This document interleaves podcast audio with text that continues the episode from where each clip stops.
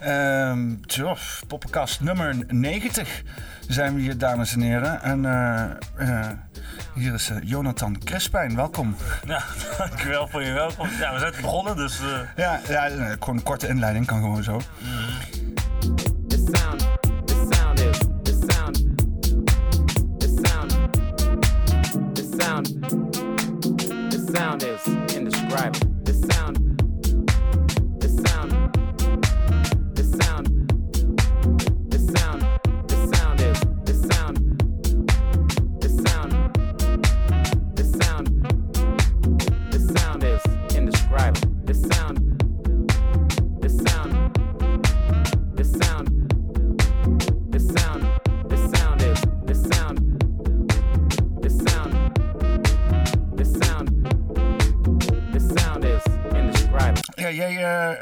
natuurlijk met, met Hart voor Humor eh, eh, nu bezig met, met, met comedy. Maar eh, daar, is het, daar is het niet begonnen. Ik heb inderdaad, we hadden het even net inderdaad over die podcast van, van Keniak even zitten luisteren. Eh, dat wat ik ervan kon verstaan, heb ik tot hart genomen. het geluid was niet echt... Fix je geluid, Kenny. Ehm, en wat ik hoorde is, in ieder geval zoals ik het heb geïnterpreteerd, is dat je zeg maar met de aanloop van de pandemie een soort van ja, carrière doorbraak had. Zoiets als van, ah, nu gaat het hem worden. En dat dat zeg maar soort van allemaal is ontnomen op een of andere manier. eh, eh, door natuurlijk al die theaters te sluiten. En dat jij inderdaad ook weg bent gegaan met een statement. Ja, daarom ben ik eh, Hart voor Humor gaan oprichten, ja, op een gegeven moment, ja. Hè? Wat, dat, da- Daardoor heb ik Hart voor Humor opgericht. Dat ik toen op een gegeven moment de QR-maatschappij, weet je wel, toen kon ik eindelijk in die halve finale naar de finale gaan, naar dat Groningen Cabaret Festival. Ja, want vertel daar eens wat over dan. Want ik, ik, ik, zit, ik ben wel heel erg. eh, eh, eh, eh, ik, ik hou van comedy. Mhm. Kijk heel veel comedy. is voornamelijk Amerikaans. Als het gaat over stand-up en dergelijke. Want het is Ik ook. Ja, ja, in Nederland is het ook niet zo stand-up. Dus of je bent, hebt een eh, eh, cabaret, zeg maar. Ja. Want zelfs Hans Steeuwen, die, die, die, die gooit er een bak kunst doorheen. En, en eh, liedjes Ja, en weet ik klopt. veel wat allemaal niet. Eh, echt zeg maar gewoon het alleen maar spreken. Eh, dat, dat, ja, Theo Maas, eh, eh, Guido Weijers een beetje. mij- Guido Weijers doet volgens mij ook muziek, volgens mij. Hè? Ja, maar het blijven cabaretiers. Wat ik bedoel? Want wat is het, Het zijn- verschil dan eigenlijk tussen stand-up en, en cabaret? Als je er zeg maar de Nou, muziek vaak- weglaat. Wat de klassieke uitleg is van stand-up comedy en het verschil met cabaret is vaak van... Ja, stand-up comedy heeft geen boodschap en cabaret wel. En cabaret heeft liedjes en stand-up comedy is zogenaamd dan... eh, dat je dan eh, geen liedjes hebt en geen attributen. Dat is ook zo. Eh, maar wat ik een groot verschil vind bij stand-up comedy en cabaret, hoe ik het zou omschrijven, is dat stand-up comedy eigenlijk nou, inderdaad heel kaal is. Maar ik denk dat stand-up comedy ook een interactie is zonder dialoog uiteindelijk. Dus het is, het is het klinkt hetzelfde natuurlijk. Het is een. Het monoloog, klinkt- toch? Of niet? dan? Klinkt heel erg kunstzinnig wat ik nu zeg, maar het is een soort monoloog, alleen in de vorm van een dialoog. Dus je vraagt ook men, je vraagt hardop. Het is een hardop denkende kunstvorm. Ik, ik zie En bij cabaret, dus stel je voor, ik speel een situatie eh, op het podium bij een stand-up comedy show. Dan zal ik zeggen van, weet je wat mij overkwam, mensen? Weet je, weet, je wat mij overkwam? Ik was laatst daar, daar, daar en daar en dan een grap erover. Maar bij cabaret is het van, ik ben daar en toen kwam iemand daar en dan is het een soort van toneelspel en jij bent puur aanschouwer. Dus er is bijna geen enkele mogelijkheid waardoor iemand denkt van, oh hij, dit gaat over mij. Bij een stand-up comedy is het echt van... Weet je wat mij laatst overkwam? Ik weet niet of jullie dat... Ik, ik ben continu bezig met... In de zaal. Zeg maar cab- cabaretier dan zeg maar iets meer eh, eh, gedistanceerd van de kunstenaar, Ja. zeg maar. En, en stand-up comedy is echt meer een soort anekdotevorm-achtige... Ja, stand-up comedy is echt... eh, het moet lijken alsof de man die, die, die in de bar zat... eh, nu in één keer op dat spreekgestoelte is gaan staan. En, eh, eh, en in één keer gaat lullen over wat hem dwars zit. Je neemt zeg maar de, de, de- het publiek mee naar een eigen situatie of zo. Juist. Ja. En je spreekt het publiek ook direct aan. En af en toe is er interactie. Ik ben niet echt een, een fan van interactie bij mijn show. Maar dan nog zijn de mensen in het moment met mij, zeg maar. Dus ik, ik, ik, ik, ik, ik leg iets voor en dan haal ik ook de publiek erbij. Van, ja, weet je wat mij overkwam in juli? Weet je, ik, ik spreek ze ook direct aan, weet je wel. Er is geen interactie met mij, maar alleen... Het is wel een verschil met cabaret. Want eh Guido Weijers, die staat echt... als een soort... Die gaat ook zijn... Stel je voor, ik eh, beeld een persona uit in mijn stukje. Dan doe ik dat recht voor naar het publiek toe. Dus dan zeg ik van... eh, ja, en die vrouw zei tegen mij dit. En die vrouw zei tegen, toen tegen mij dat. En weet je wat ik toen zei? Dit. Maar Guido Weijers zal zeggen... En die vrouw zegt dit tegen mij. Gaat die toneelstukje uit en dan en ik zeg no no no dan draait hij zich helemaal om. Zeg maar, Ja, dus ja. horizontaal speelt hij. En maar comedy is dus verticaal. Bij, bij, eh, bij, bij Hans Theo zie je dat inderdaad goed. Het gaat ook van typetjes naar typetjes inderdaad. eh. ja, ja, nou het grappige is, je kan het dus wel combineren natuurlijk. Je ziet in stand-up ook heel veel mensen die dan een eh inner dialoog eh, enigszins wat onderscheiden met elkaar. Ik vind Dave Chappelle, die, dat- die doet dat heel erg. Dave Chappelle vind ik dat, dat hij dat wel, wel, wel vaak doet. Maar ja, het blijft wel comedy of zo. Dus. En wat, wat vind je van, eh, van crowdwork dan? Wat bijvoorbeeld zo'n Andrew Schultz heel veel doet. eh, eh, dus echt, echt Ja, het publiek aanspreken en ouwe hoeren, een beetje mensen roosten en zo, dat soort dingen. Maar kijk, daar ben ik dus nog niet. Ik doe nu vijf jaar of zo. Kijk, Andrew Schultz doet misschien al twintig jaar. Weet ik hoe lang hij het doet. Die doet echt lang hoor. Ik weet niet hoe oud hij is. Ah, hij is, hij is onze, ik weet, die is van 32, 33 of zo. eh. 32. Ja, ja. die zit echt wel 15 jaar of Ja, die zit al wel tien jaar te grinden inderdaad. Dan heb Ja, je, en dan heb je ook nog eens misschien wel echt eh, dat hij misschien wel 25 optredens in een maand pakt of zo, weet je wel. Ja. Maar dat, ja, dan ga je, ja, dan ga je als een speer. Op een gegeven moment ben je zo vrij in het denken op podium, dan ben je ook echt jezelf. Je weet gewoon dat jij jij bent en dan kan je ook daadwerkelijk zeggen wat je denkt. Maar ik ben nog, na vijf jaar, is een interactie. Is nog, daar moet ik nu aan gaan werken eigenlijk. Maar ik ben ook meer een verhalen vertellen dan iemand die interacties doet. Dus Ja, het is ook een verschillend stijl ook in, nog. in mijn optiek is het echt inderdaad een stijlverschil. Zoals jij het zei, inderdaad lijkt het bijna net een niveausverschil, zeg maar. Ja. Maar ik, ik kan me... Ja, sommige mensen zijn, eh, zijn gewoon, eh, weet je wel, gewoon heel bij de hand of zo. Of eh, die hebben gewoon heel veel eh, snelle acties paraat. En die kunnen dan bijvoorbeeld wel crowdwork doen. Maar ja, je moet ook, als je bijvoorbeeld stand-up doet en je hebt iets voorbereid...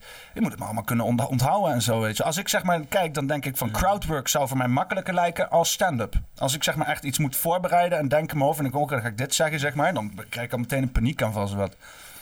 Ja, ik denk, ja, ik denk dat, dat crowdwork is eh, niet zo heel lastig. Hè? Het, het, het is als je eenmaal denkt als comedian, dan is crowdwork, crowdwork niet zo heel lastig, omdat je dus... Je, je hebt al allerlei associaties in je hoofd. Je hebt allerlei grappen die je dan verwerkt in een interactie met het publiek. Dan lijkt het alsof het heel spontaan is, maar het is gewoon een bedachte grap. Maar die speel je dan uit met het publiek. Dus Ja, ik, vind, het mooi, want ik zit die Andrew Schulz veel te kijken nou de laatste tijd. Die is natuurlijk helemaal geëxplodeerd. En het grappige is met, met dat hele crowdwork is dat het vaak... vaak is, het- is het publiek is het grappige, zeg maar. Die zegt dan iets Ja. en dan krijg je een reactie van het publiek terug. En het enige wat je hoeft te trekken is een gek hoofd. Ja. En dan, dan, want op een of andere manier hangt die humor hangt ook op een of andere manier in de lucht of zo. Ja, en, en, en, en als het publiek terug... Het publiek weet dat de persoon die praat... waarschijnlijk niet alle antwoorden paraat heeft. Dus ze zijn al sowieso oplettender op wat die persoon in het publiek zegt. En als het iets wat net buiten de bocht valt... en de comedian hoeft alleen maar daar een reactie op te geven... of een stilte te laten vallen... en je krijgt al de... de dus het is niet zo moeilijk als het lijkt. Alleen het ligt mij niet... En ik ben meer een verteller, waardoor ik dus... Dat ben ik ook pas dit, sinds dit jaar achtergekomen eigenlijk. Dat ik meer een verteller ben in plaats van een klassieke stand-up comedian die grap na grap na grap na grap heeft. Ja, die, die punchlines en zo. eh, Ja, ja. achter elkaar grappen, dat is niet mijn stijl. Ik zie nog wel eens eh, eh, van die oude filmpjes van die, eh, van die maffia-comedy, zeg maar. En dan, dat ze dan eh, drie woorden en een punchline of zo, weet je, achter elkaar de hele tijd. eh, van die, eh, ja, ik heb er ook helemaal geen voorbeelden van. Maar eh, hoe, hoe ben jij begonnen? Wanneer was echt de eerste keer dat jij, zeg maar, eh, weet je, de ballen groot genoeg had om het podium op te gaan en te denken dat je grappig was? Want ik vind het voor mij, eh, het is, volgens mij is een van de meest, meest kwetsbare vormen van, van theater die je kan doen. Is, is proberen mensen aan het lachen te maken op een of andere manier. Dus mij lijkt het die eerste keer lijkt mij zenuwslopend. Nou ja, toen ik 16 was, was dat de eerste keer. Ik had toen ik 15, 14 was, had ik wel cabaretiers gezien. Dus dan praat ik over Daniel Arends, eh, Theo Maassen. Gewoon de, de, de classics, weet je wel. Gewoon de, de- die toen aan, opkwamen, aan het opkomen waren, weet je wel. Gewoon wat iedereen een beetje kent. Ja, dat trok mij wel. Eh, Ik, weet, ik zag ook comedians dingen zeggen die ik in het dagelijks leven ook dacht. Ik dacht van, hé, dat dacht ik ook. Ja. Maar toen ik dat zei, toen, toen eh, haatte iedereen mij. Kijk je er maar, maar raar aan. Ja. Ja, maar blijkbaar is er dus een plek waar je dat soort dingen kwijt kunt. Ja. En, eh, zo ben ik erachter gekomen van oké, dit, dit wil ik gaan doen, soort van. In ieder geval ben ik gaan uitproberen. En op een gegeven moment, eh, toen ik hem uit gaan proberen, toen, eh, ja, toen is het op een gegeven moment gewoon gaan lopen. In de zin van oké, ben ik als, een, als een totale debiel ben ik gelijk naar cabaretfestivals toe gegaan. Nou, ben ik geselecteerd, deed ik eraan mee in de auditieronde. Nou, gelijk eruit geflikkerd, want ik had totaal geen grapstructuren. Ik had totaal geen geen benul wat ik aan doen. Ik was alleen maar aan het vertellen over wat ik op dat moment ging volgens mij vooral veel over mijn vader en zo en eh, dat soort shit. En nu nog steeds een beetje, maar alleen ik ben op een gegeven moment dit jaar een switch gaan maken van oké, want ik ben natuurlijk verslaggever bij Ongehoord Nederland en ik heb dat erin geïntegreerd in mijn show nu. En die speel ik dan op 17 november. Ja, en ik denk dat dat eh, werken voor, eh, voor Ongehoord Nederland... Soepele reclame trouwens, hè? Wat, ja, wat?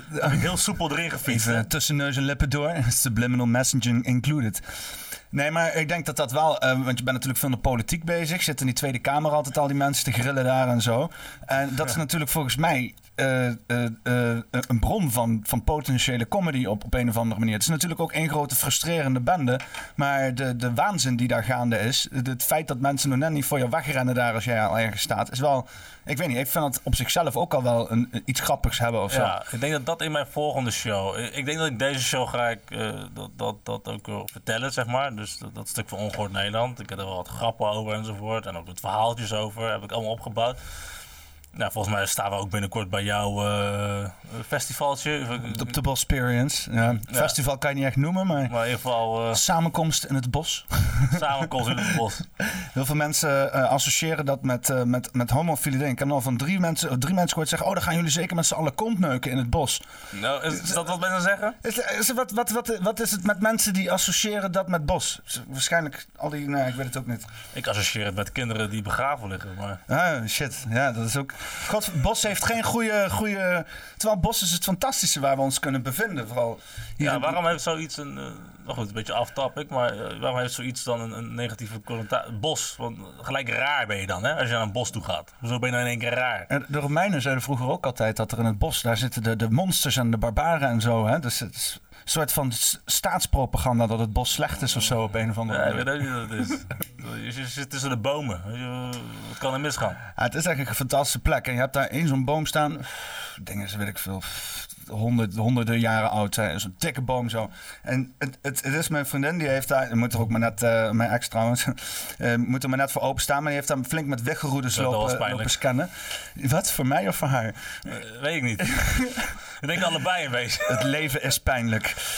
Ehm, die heeft daar met weggeroeders lopen rondlopen. En die heeft daar echt een soort van leelijn on, nou ja, ontdekt. Er was al sprake van een leelijn. Maar die heeft ze daar echt terug kunnen leiden. En die boom stond daar midden op in, weet je wel. En dat is, ik- Ja. het, is, het is natuurlijk dingen waar je... Het is misschien bijgeloven, whatever, waar je in kan, in kan geloven. Maar ik heb daar nog nooit zo lekker geslapen. Ik heb nog nergens zo lekker geslapen als daar. Elke keer als ik daar slaap, volledig uitgerust. Maakt net vier uurtjes, vijf uurtjes. Volledig uitgerust, niet gestoord. Heerlijk wakker worden. Geen Maar zand in mijn ogen. Ik denk dat ze dus dan zeggen dat je dan eh, ja, in het normale ritme zit van ja, de biologische klok, zeg maar. Het wordt licht en dan krijg jij dat licht te zien. En dan op een normale, natuurlijke manier wakker in plaats van zo'n kutwekker. Ja. Philips wake-up light. Ja. Dat soort shit. Nagebootste natuur. Ja, nee, ja, dit is echt de shit. Ja, het is, het is eigenlijk jammer dat jullie maar één dagje komen. Maar ik ben al wel bij echt blij. Het is natuurlijk, jullie zijn de, jullie zijn de soort van eh pièce de resistance van de Bosperians. Dus ik heb er ook echt enorm veel zin in. We- Weet je al wie er allemaal komen of niet? Eh, of is het nog een beetje, of staat het allemaal open? Ja, dat Chris Collins, dat ik daar ook een deel van mijn show speel. Eh, ik denk dat Paul komt, Wouter komt, denk ik. Ik denk dat dat wel de mensen zijn. En Pieter, die komt ook nog even erbij. Ja, Ah, ik- Lag het gewoon volle bak dus gewoon. eh. ja, voor mij wordt het een, eh, een- generale repetitie daar. Dus eh, Ah, dat, is, dat is perfect. Kunnen, dan krijgen we de instant ook bloopers erbij en zo. eh. ja, ik heb ook bloopers te zien enzovoort. Dus ik ben Ik ben, benieuwd. ben benieuwd. Ik denk wel dat het een eh, tough crowd is. Twee dagen in het bos gezeten. Een beetje lopen zuipen. En dan de derde dag zitten we daar. Hebben het over stevige onderwerpen gehad. Twee dagen lang, weet je wel. Ja. Vol complottheorieën ingedoken met z'n allen. Ja, En dan, dan, moeten jullie, dan moeten jullie het grappig gaan maken, mensen. dan moeten wij grappen gaan maken. Ja. ik denk wel, er wordt ook genoeg gesmokt. Dus ik denk dat iedereen zo melig is als pest aan het eind van de dag. Eh, eh, eh, grappig is, want je had gebeld en we hadden gebeld een tijdje geleden. En toen hadden we het over de audio speakers en zo, weet je wel. En zei van, nou ja, we nemen gewoon onze eigen shit mee, want jullie, hebben, jullie hebben geen goede audio speakers. Ik zei ook van, ja, dat hebben we ook niet. Dus toen heb ik die shit gekocht hier. Oh, jezus. Ja, ik weet niet of mensen dat kunnen zien, maar Nee, ja, dat, dat, hebben het, ja, ze kunnen het, kunnen het wel zien. Ze kunnen het alleen niet horen als, eh, als, je, als je hoort, luistert op, eh, op Spotify. Er staan nu twee moeilijk grote speakers in beeld. En daar zit ook nog een basbox daaronder. hmm. Het is niet voor in een flat. Mensen, mensen in de flat die zaten, die zaten vol angst mij aan te kijken toen ik dit naar binnen aan het zeulen was. Ja. Maar eh, ja, dus jij komt met hart voor humor naar de Bosperians. Eh, eh, ehm, eh, als, als ik het goed begrijp, als ik jou zo hoor, dan is hart van humor een plek die je opricht zodat mensen gewoon zich kunnen uiten op een manier dat ze dat willen. Of zitten daar ook, is, zitten daar ook, is het ook een bepaalde, zitten er ook grenzen aan hart voor humor, zeg maar? Er zit eh, geen grens aan het vuur, maar ja, het moet wel eh, op een gegeven moment grappig zijn. Of we moeten de, of wij als groep moeten er iets grappigs in zien. Weet je wel? Dat je wel weet van iemand- kan niet zomaar het podium oplopen en. eh, dat hebben we laatst gehad, joh. We hebben iemand van de andere krant, een redacteur daar. En eh, een hele grappige, hele vriendelijke man, hè. Dus eh, niks persoonlijks naar hem toe. En de andere krant eh, die helpt ons ook met eh, promoten. En wij eh, zijn er heel blij mee. Alleen die, die denkt van, hé, ik ga ook even open... Zeg maar, Chris zei bijvoorbeeld van... eh, Chris zei dat heel mooi. Die zei van, eh, ja, die heeft ons dan gezien. Die man bij de andere krant. We moesten optreden bij de andere krant. Die heeft ons dan gezien. En die denkt, hé, hey, dat, dat kan ik ook.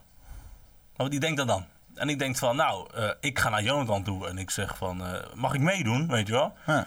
Ja, en ik ben dan een... een, een ja, op podium kom ik best wel vaak hard over, maar ik ben best wel iemand die denkt van, ach, weet je, Van binnen je een zacht eitje. la- weet je, Met schuimlaagjes. eh. ja, maar zo- zo'n man heeft ook als kind dromen gehad en die ziet dat dan en dan komt dat kind in hem naar boven en dan wil hij dat gaan doen. En dan heb je zoiets van, wie ben ik om dat moment van hem af te pakken? Want ik kan het doen. Ik kan je gewoon een spot geven bij, weet je, dus ik zeg, oké, is goed. Nou, dan komt hij daar.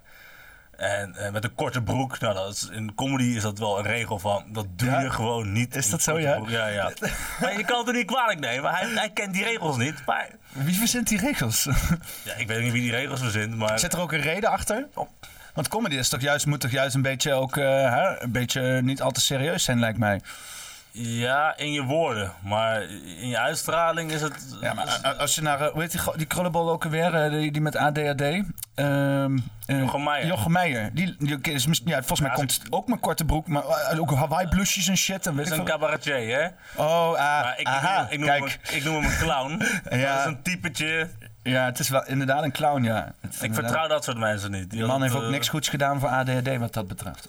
Nee, maar ik vertrouw dat soort mensen niet die, eh, die alleen maar vrolijk zijn, zoals dat het cabaretier is. Nee, dat kan niet, joh.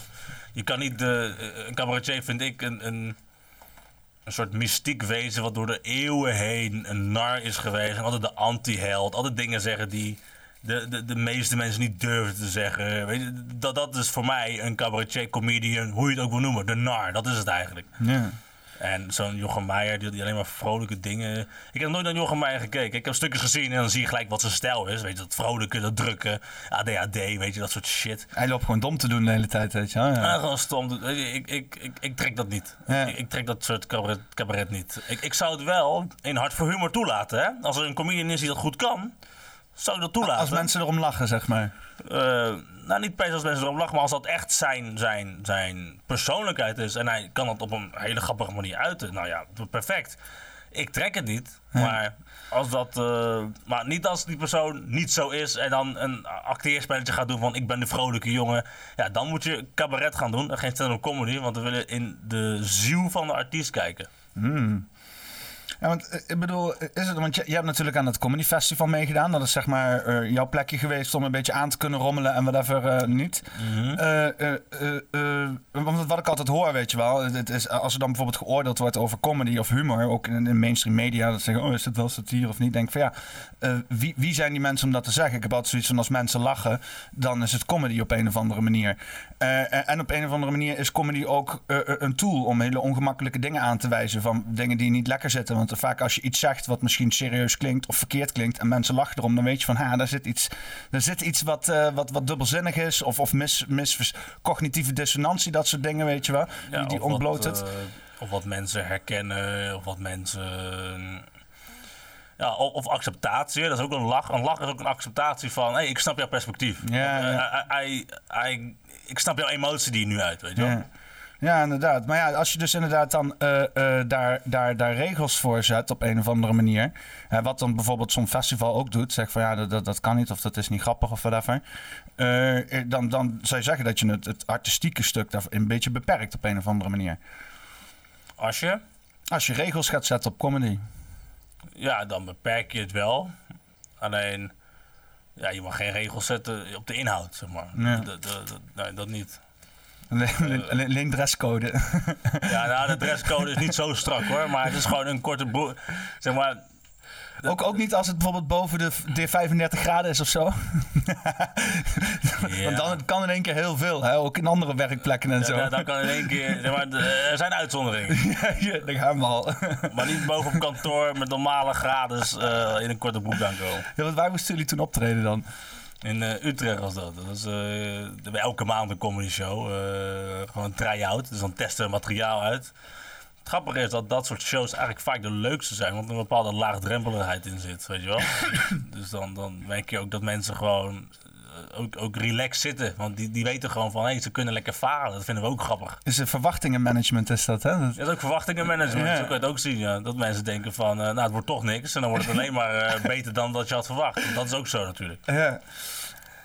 Ja. Ja, want waar ik aan zat te denken is dat je eigenlijk zou, of niet, je zou dat niet, maar de- het zou leuk zijn als je, als, want waar, waar ik tegenaan op, ik, ik heb al heel lang, ik loop nou al, weet ik veel, eh, ook voor de pandemie zo van, ik zou best wel eens comedy willen doen, maar ik zou niet, ik zou niet weten waar ik moet beginnen, weet je. Dus heb ik dingetjes opgezocht en zo. Ik keer bij een of andere theatervereniging in Huis uitgekomen. Die gingen gewoon, het had niks met comedy te maken, was met, met kinderen en gingen ze show doen en zo. En die probeerden ze me erin te trekken. Ik denk, nou, ik moet niet, weet, niet, weet niet hoe snel ik hier moet wegwezen. Ja. En eh, vanaf daar heb ik een beetje niks eh, gedaan. En toen zag ik jullie ik Chris gaan ontmoeten. En ik denk, hé, hey, dit is wel, het leeft wel in Nederland op een of andere manier. Hè? Want het kan ook zijn omdat ik misschien hier in het oosten zit. Eh, eh, maar eh, eh, eh, eh, zo'n- bijvoorbeeld, want je, je hebt hier ook wel voor bijvoorbeeld de spoken word, open podium. Daar heb ik ook wel eens aan mee- meegedaan en zo. En dat is hartstikke leuk. Maar zo'n open podium, dat je zeg maar dus, want dan geef je niet alleen, eh, een- niet alleen voor mezelf hoor, maar voor Ja. iedereen die inderdaad ook, want ik denk wat hij ook heeft, zoiets van, hé, hey, dit kan ik ook. Ik bedoel, dat is enigszins misschien wat, eh, in sommige gevallen wat eh, eh, ja, ambitieus, zeg maar. Maar het is wel ook een heel waardevol iets dat mensen gewoon de ballen hebben om zichzelf uit te spreken op een of andere manier. Wat naar mijn Nee. optiek echt veel te weinig gebeurt hier in Nederland. Nee, tuurlijk. Dus dat, dat, dat, dat is ook mooi. En ik zou het uiteindelijk wel open podia's willen hebben. Maar in de fase waar we nu in zitten, want Hart is zo snel gegroeid. Afgelopen jaar heb ik zoiets van, ja, ik wil wel de kwaliteit waarborgen. Dat we niet Ja, een beetje controle in handen houden. een beetje controle in handen houden. We niet gelijk in een of andere shitshow show worden. Dat we iedereen maar eh, het podium geven, weet je wel. Want wat zou je willen bereiken met eh Hart van Humor? Wij, wij, worden het nieuwe Toemler. Dat, dat, dat is gewoon zo. Het nieuwe Toemler van eh, Amsterdam. Dat, dat, dat, dat wordt hard voor humor. Het wordt letterlijk het nieuwe Toemler. Waar politieke correctheid niet bestaat. Waar heilige huizen niet bestaan. Waar het vrije woord als enige nog gesproken kan worden. Want het vrije woord wordt alleen maar meer ingeperkt hè, de komende jaren. Dus Wat is Toemler? Toemler, ja, dat is een goed begin eh, voor jou. Ik ben wel blij dat je die vraag stelt. Want fuck Toemler.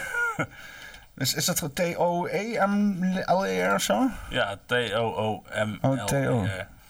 Oké. Ja, is Oké. Comedy Train. Dat is eigenlijk de naam van het collectief volgens Hmm. mij. Ik weet even niet eh, hoe dat zit. Toemler die zaal of zo? Of, eh, Ja, toen is het, zit onder het eh, Hilton Hotel. En dat is zeg maar een...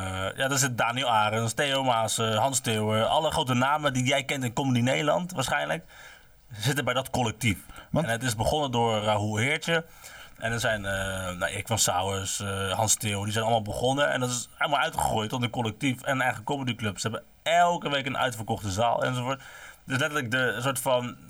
Ja, heb je zin in een avondje cabaret? Ja, maar Theo Maas heeft geen show. En eh, Daniel Arends hebben allemaal geen show. Ja, maar ze spelen wel nog in eh Toemler. Oh, gaan we daarheen, weet je? Dan hopen ze dat die daar zijn. Maar er zitten ook vaak eh, mensen tussen die nog maar net begonnen zijn of zo. En die dan daar een avond vullen. Maar in ieder geval, dat is het doel. Dat we dat worden. ja. Alleen dat wel natuurlijk op onze eigen manier. Want, want is, is Toemler dus dan eigenlijk de, de enige... Hebben die soort van een monopolie op stand-up comedy daar of zo? Ja, zij, zij zijn een soort van monopolie eigenlijk. Hè? Zo kan je het zien. Ze zijn een soort eh, Albert Heijn van de, van de comedy. Letterlijk. Gewoon van, zij zijn de Albert Heijn van de comedy. Ja. Wij zijn de koop. De co-op. zijn Vind ik- co-op, Vind ik nog steeds duur. eh. Nee, we zijn opkomend. maar niemand kent ons nog. En eh, er is wel een duidelijk logo. Je weet dat ze oranje zijn. Het is exact dezelfde analogie. Hard voor is de koop van de comedy. Ja, en weet je wat co-op niet doet? De hele tijd fucken met de layout van de supermarkt. Nee. Hey, een co-op staat voor de mensen. ik word niet gesponsord door co-op, helaas. nee. Ja. Maar dat, dat, dat is wat er wel... eh, Ja, dat zie je wel terug, zeg maar. Dus ja, ik, ik denk ook dat, dat Hart voor Humor daar... Kijk, we zijn nu al zo snel gegroeid. We hebben nu een e-maillijst van duizend mensen ongeveer. Dat is alleen maar mensen die hun e-mail hebben ingevuld en tickets hebben gekocht. Dus kun je nagaan hoeveel mensen meer daartussen zitten eigenlijk... die een e-mail hadden moeten inleveren. Ja. Qua mensen die dan... Weet je, sommige mensen kopen vier tickets. eh, sommige mensen kopen drie tickets. Weet je, dat is allemaal... Nou, die, één heb je e-mail. Twee niet. Dus eigenlijk, stel je voor, je gaat ervan uit dat iedereen drie tickets heeft gekocht. Dan zouden we eigenlijk nu eh ja, 3000 e-mails moeten hebben. Ja. Ja. En als je dat twee jaar doet, 6000, 9000, nou ja, dan op een gegeven moment... Dan, eh, ja, dan eh, kan je onafhankelijk eh comedy-shows produceren. We hebben met onze eigen e-maillijst... hebben wij de oudejaarsconferentie van Chris al volgekregen. En mijn show van eh, 17 november ook al volgekregen, bijna. Bam. Alleen met de eigen e-maillijst, hè? Ik kom er ook heen volgens mij. Op de vrijdag, want dan is er een feestje als het goed is. Ik weet niet wat Chris nou weer heeft beloofd. ik heb het niet eens van Chris gehoord, want ik hoorde het van, eh, van Amy. Het is een super via via. Straks gewoon een zware, hoe heet het nou, partycrash bij jullie gaande. Maar ik ben... nou, ik, ik wil, ik wil nu weten eh, welke party dat wordt. Want, eh, Nee, maar het, ik had er wel zin in. Ik heb, ik heb om weer terug te komen in het verdoemde gebouw. oh ja, dat wordt Na, na de, gebouw. na de Weltschmerz debakel. Ja. Ja. Maar eh, eh, Hart van Humor dus. Hebben jullie dan niet iets van een locatie nodig op een gegeven moment? Dat is, nou, uiteindelijk is een eigen, uiteindelijk is een eigen hè, wat je daar eh, opgezocht had. Een. Ja, dat is eigenlijk uiteindelijk wel een doel, hè. Dat je een eigen huis... Want het, het Weltschmerz-gebouw is een soort van een tijdelijke opvang, lijkt mij, denk ik. Hè? Of is dat echt is dat iets, een locatie waar... waar, waar misschien wordt wel met wel onze comedyclub. Het zou zomaar kunnen. Ze hebben de, de, het bereik, e-maillijst. Kijk of zij willen. Ik, ik sta altijd voor open. En Weltsmens kan wel, eh, denk ik ook, eh, ja, dat gebruiken, zeg maar, om, om, qua ruimte. Dus ja. Ja, het is natuurlijk ideaal om in een stad te zitten. daar- Want ik heb ook dat idee, weet je, dat je dan gewoon in de stad rond... Want dat heb ik het idee dat het in Amerika heel erg leeft. Dat je rondloopt en dan... Hè, dus denk, oh, dan zullen we vanavond een comedyclubje pakken. Net zoals dat je een bios pakt, weet je. En dan Ja. hup, kom je spontaan binnen. Heb je ook inderdaad die lage verwachtingen van mensen die gewoon op zoek zijn naar iets of zo. Dan heb je volgens mij ook een hele andere sfeer dan dat je dat opbouwt. Dat mensen kaartjes moeten halen en et cetera, et cetera. ja, klopt. Maar ja, tegenwoordig mensen zijn druk, hè. Mensen willen plannen van tevoren wat ze gaan doen. Oh, vreselijk. En vandaar, eh, ja, mensen hebben een druk leven tegenwoordig, hè. Vreselijk. Ja, is dat, is dat zo? Is dat... eh, want ik merk heel erg veel om me Het heen. Of verhardt misschien... ook, hè. Hoe hoe bedoel je? Nou ja, eh, waarom noemen we... eh, ik ook, hè? Ik doe er ook aan mee. Maar waarom noem jij alleen Hans Steeuwen, Theo Maas en Daniel Arends op? En ik ook. Dat is de enige waar ik eh, toen dvd's van heb gekocht, eh 15 jaar Nee, maar je zegt het al. Kijk, er is een hele grote onderlaag in de komende wereld. Wat gewoon shit is. Mensen willen dat helemaal niet zien. De beste comedians in Nederland, dat zijn de comedians die, die bijna het grof zijn als je zo eh, die namen opnoemt. Daniel Arends, Theo Maas en Hans Steeuwen. Als je die drie namen noemt.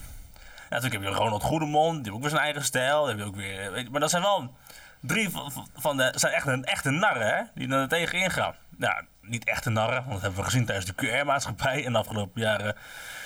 Ja, het is, ook het, een het, beetje gaan indammen, weet je wel. het, het is zeg maar dat, dat risico nemen. Maar, maar ja, gewoon inderdaad, het, het, je merkt echt dat dat, dat vrij uitspreken. Dat, dat- Dat zijn de comedians die groot zijn.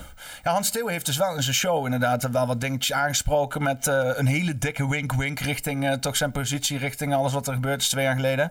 En, en, eh, maar ja, dat is allemaal. En natuurlijk die YouTube-video's en zo. Maar dat, het was allemaal vrij. Iedereen heeft echt zeg maar, een soort van anderhalf jaar de kat uit de boom zitten kijken op een of andere manier. Toch? Zie je dat ook? of zie ik dat verkeerd? Ja, ze hebben letterlijk de, de kat uit de boom eh, lopen kijken en weet je wel. En op een gegeven moment eh, zijn ze er zelf in gaan zitten.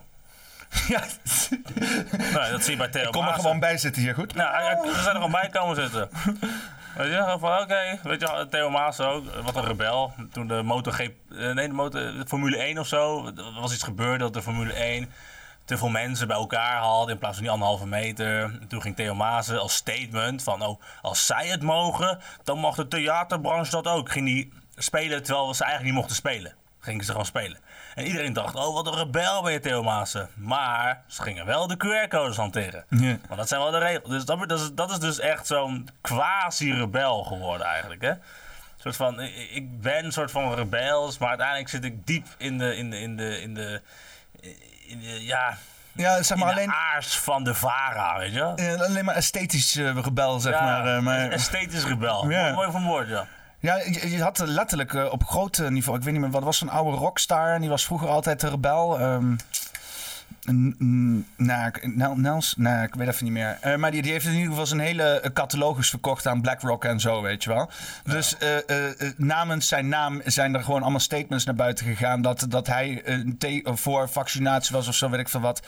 Dus ze hebben zeg maar zijn merk gebruikt. Maar dat was vroeger dus inderdaad iemand in de jaren 80 of 70, de ultieme rebel. Is het niet, weet je wel, rebellen zijn volgens mij gewoon... Nieuw, nieuw of zo. Nieuw nog wat. Ja, Neil Young. Neil? Nieuw zo? jong, ja. Ja. Eh, is het gewoon niet zo dat eh, we, we het gewoon niet meer moeten hebben van al die oude, oude gasten? Eh, ja, het is wel natuurlijk een, een klassiek fenomeen, toch? Dat, dat als je jong bent, dan ga je risico nemen. En je probeert er wat van te maken. Nou, Je hebt, je energie en zo. Ja, en op een gegeven moment, ja, bijvoorbeeld. En op een gegeven moment heb je iets opgebouwd. En dan ga je het verdedigen. Dat wat je Ja. opgebouwd hebt. Ja, ja, ja. En, en dat speelt nu ook. En wij zijn natuurlijk gasten die niet veel te verliezen hebben. Ja, dat is het. hè. Want al die, al die gasten die hebben een heel imperium natuurlijk. Mhm. En een merk te verdedigen en imago en dergelijke. Ze gaan alles, alles, alles op alles zetten om dat te verdedigen. En dat is denk ik wat er nu speelt. Het is gewoon een cycli. Maar het is sowieso, dat is niet alleen onder comedians. Het is sowieso. eh, Wat Onder ik- alles, om alles. eh, alles. Alles draait alleen nog maar om imago. Iedereen is alleen maar bezig met hoe het eruit ziet, hoe het eh, in de publieke opinie vormt. En niemand is daadwerkelijk authentiek aan het zijn. Hè? En gewoon, want mensen denken dan dat authentiek is dat ze dan laten zien hoe ze 's ochtends een ontbijtje maken of zo. Zeggen, oh, kijk mij authentiek zijn. Maar in plaats van dat ze gewoon een, een authentiek leven leiden, dat zij dik staan bij eigen waardes en eh, zich inderdaad niet constant hoeven te eh, bevestigen aan datgene wat in, in de maatschappij speelt. Je ziet, iedereen die moet allemaal meedoen met hypes en met eh, het gesprek van de dag en dergelijke. En dan moet dan een bepaalde. Ja, weet je wel, iedereen maakt zich druk daarin om zijn imago. Dus je ziet. Als ik, als ik de tv, nou ik, zet, ik heb de tv niet, maar ik, ik kijk wel eens tv-dingen op YouTube of zo, van Telegram of op één stukje, of weet ik veel wat. En je ziet, niemand, niemand is lekker aan het praten, aan, iedereen is zo heel voorzichtig aan het wandelen op van alles nog steeds, weet je wel. Dat was, Ja, ja, allerlei standpunten innemen, maar dan maar, met allemaal maars en mitsen en weet ik veel wat. En dat was voor de, voor, de, voor de corona was het ook al met dat hele klimaatgebeuren, weet Nee, je wel. ook, eh, voor corona was ik ook al eh, zwaar tegen de EU en al die, al, al die dingen, zo, die desinformatie willen aanpakken en eh, de comedians cancelen, de woke cultuur die al opkwam in 2015, weet je wel, dat, dat was ik allemaal op tegen. En ik ben er heel langs achter gekomen waarom ik daarop tegen was enzovoort. En nu ben ik ook achter gekomen waarom Hart voor Humor zo, zo aanslaat bij die mensen dan. Want dan zeggen we wappies of zo. Maar we treden niet alleen op voor wappies, hè. We treden ook op voor mensen die, die ik heb een goede vergelijking. Een, een, eh, zeg maar, Amerika heeft natuurlijk een red state en blue state. En wat ik denk, waardoor we alleen maar Hans Theeuwen, Theo Maas, eh, Daniel Arends kennen, die, zijn, die, die ver- vertegenwoordigen een bepaalde stroming wat gehoord wil worden. Zeg maar. Dat is zeg maar. Ze zijn een soort van. Ja, Theo Maas is natuurlijk een linkse gast en eh, Daniel Arends een beetje apolitiek, hè. En Hans Theeuwen, ja, dat is meer een rechtse gast. Maar waarom is Hans Theeuwen toch zo. Er zijn veel meer linkse cabaretiers dan die rechtse cabaretiers. Nou, dat komt omdat de media links is. Dus ze zullen ook eerder een linkse cabaretier kiezen. Enzovoort. Hans Til is de enige die dat doorheen gebroken is. Die is heel erg populair. In het platteland vooral. Dat soort plekken. Natuurlijk in de Randstad heeft hij ook fans, hè. Maar trouwens, ik zie heel vaak dingen extra promoten van de Randstad. Dus voor mij klopt het wel, mijn observatie, dat hij vooral in het platteland... En daar is hij heel populair. Ja. En dat heeft te maken met dat... Bijvoorbeeld, ik zag een comedian. Ik moest bij het open podium spelen. Was in het, eh, in, in, eh, in het platteland. En eh, zijn naam was Tim Kroeze. Die, die deed ook mee aan dat nieuwe programma Ik Ga Stuk van eh Bien en Vara. Dat is een soort van talentenshow voor comedy. Oh, oké. Oh, ja. Oh, ja, maar die. Tim Kroeze doet daar aan mee. Nou, blanke gast, millennial. Weet je, net als ik eigenlijk, al een millennial. Maar hij is heel erg van eh, klimaat, daar moeten we wat aan doen. En al die andere bullshit, weet je wel. En ik zag hem spelen in Utrecht een keer. Nou, ging niet helemaal goed. Gewoon eh, grappig enzovoort. In ieder geval, mensen lachten. Ik vind het zelf niet grappig, maar hey, eh, ik ga niet oordelen op andere comedians. Het is hun stijl, hun perspectief. Dus zij gewoon een goede show gespeeld. En dan komt hij in het platteland. En toen zag ik hem helemaal falen op, op een stuk wat al over boeren ging enzovoort. En dan speelde in Hengelo, was dat in Hengelo. Ja, ja, Ja, maar, zie- ja, je weet meteen waarom het niet valt natuurlijk. dat is logisch, nee. Maar in ieder geval, dus, maar ik begreep toen niet van, oké, waarom zie ik hem vorige week nog zo goed gaan en hier zie ik dat het helemaal niet werkt. Maar nu achteraf, denk ik dan zo van, oh, wacht even.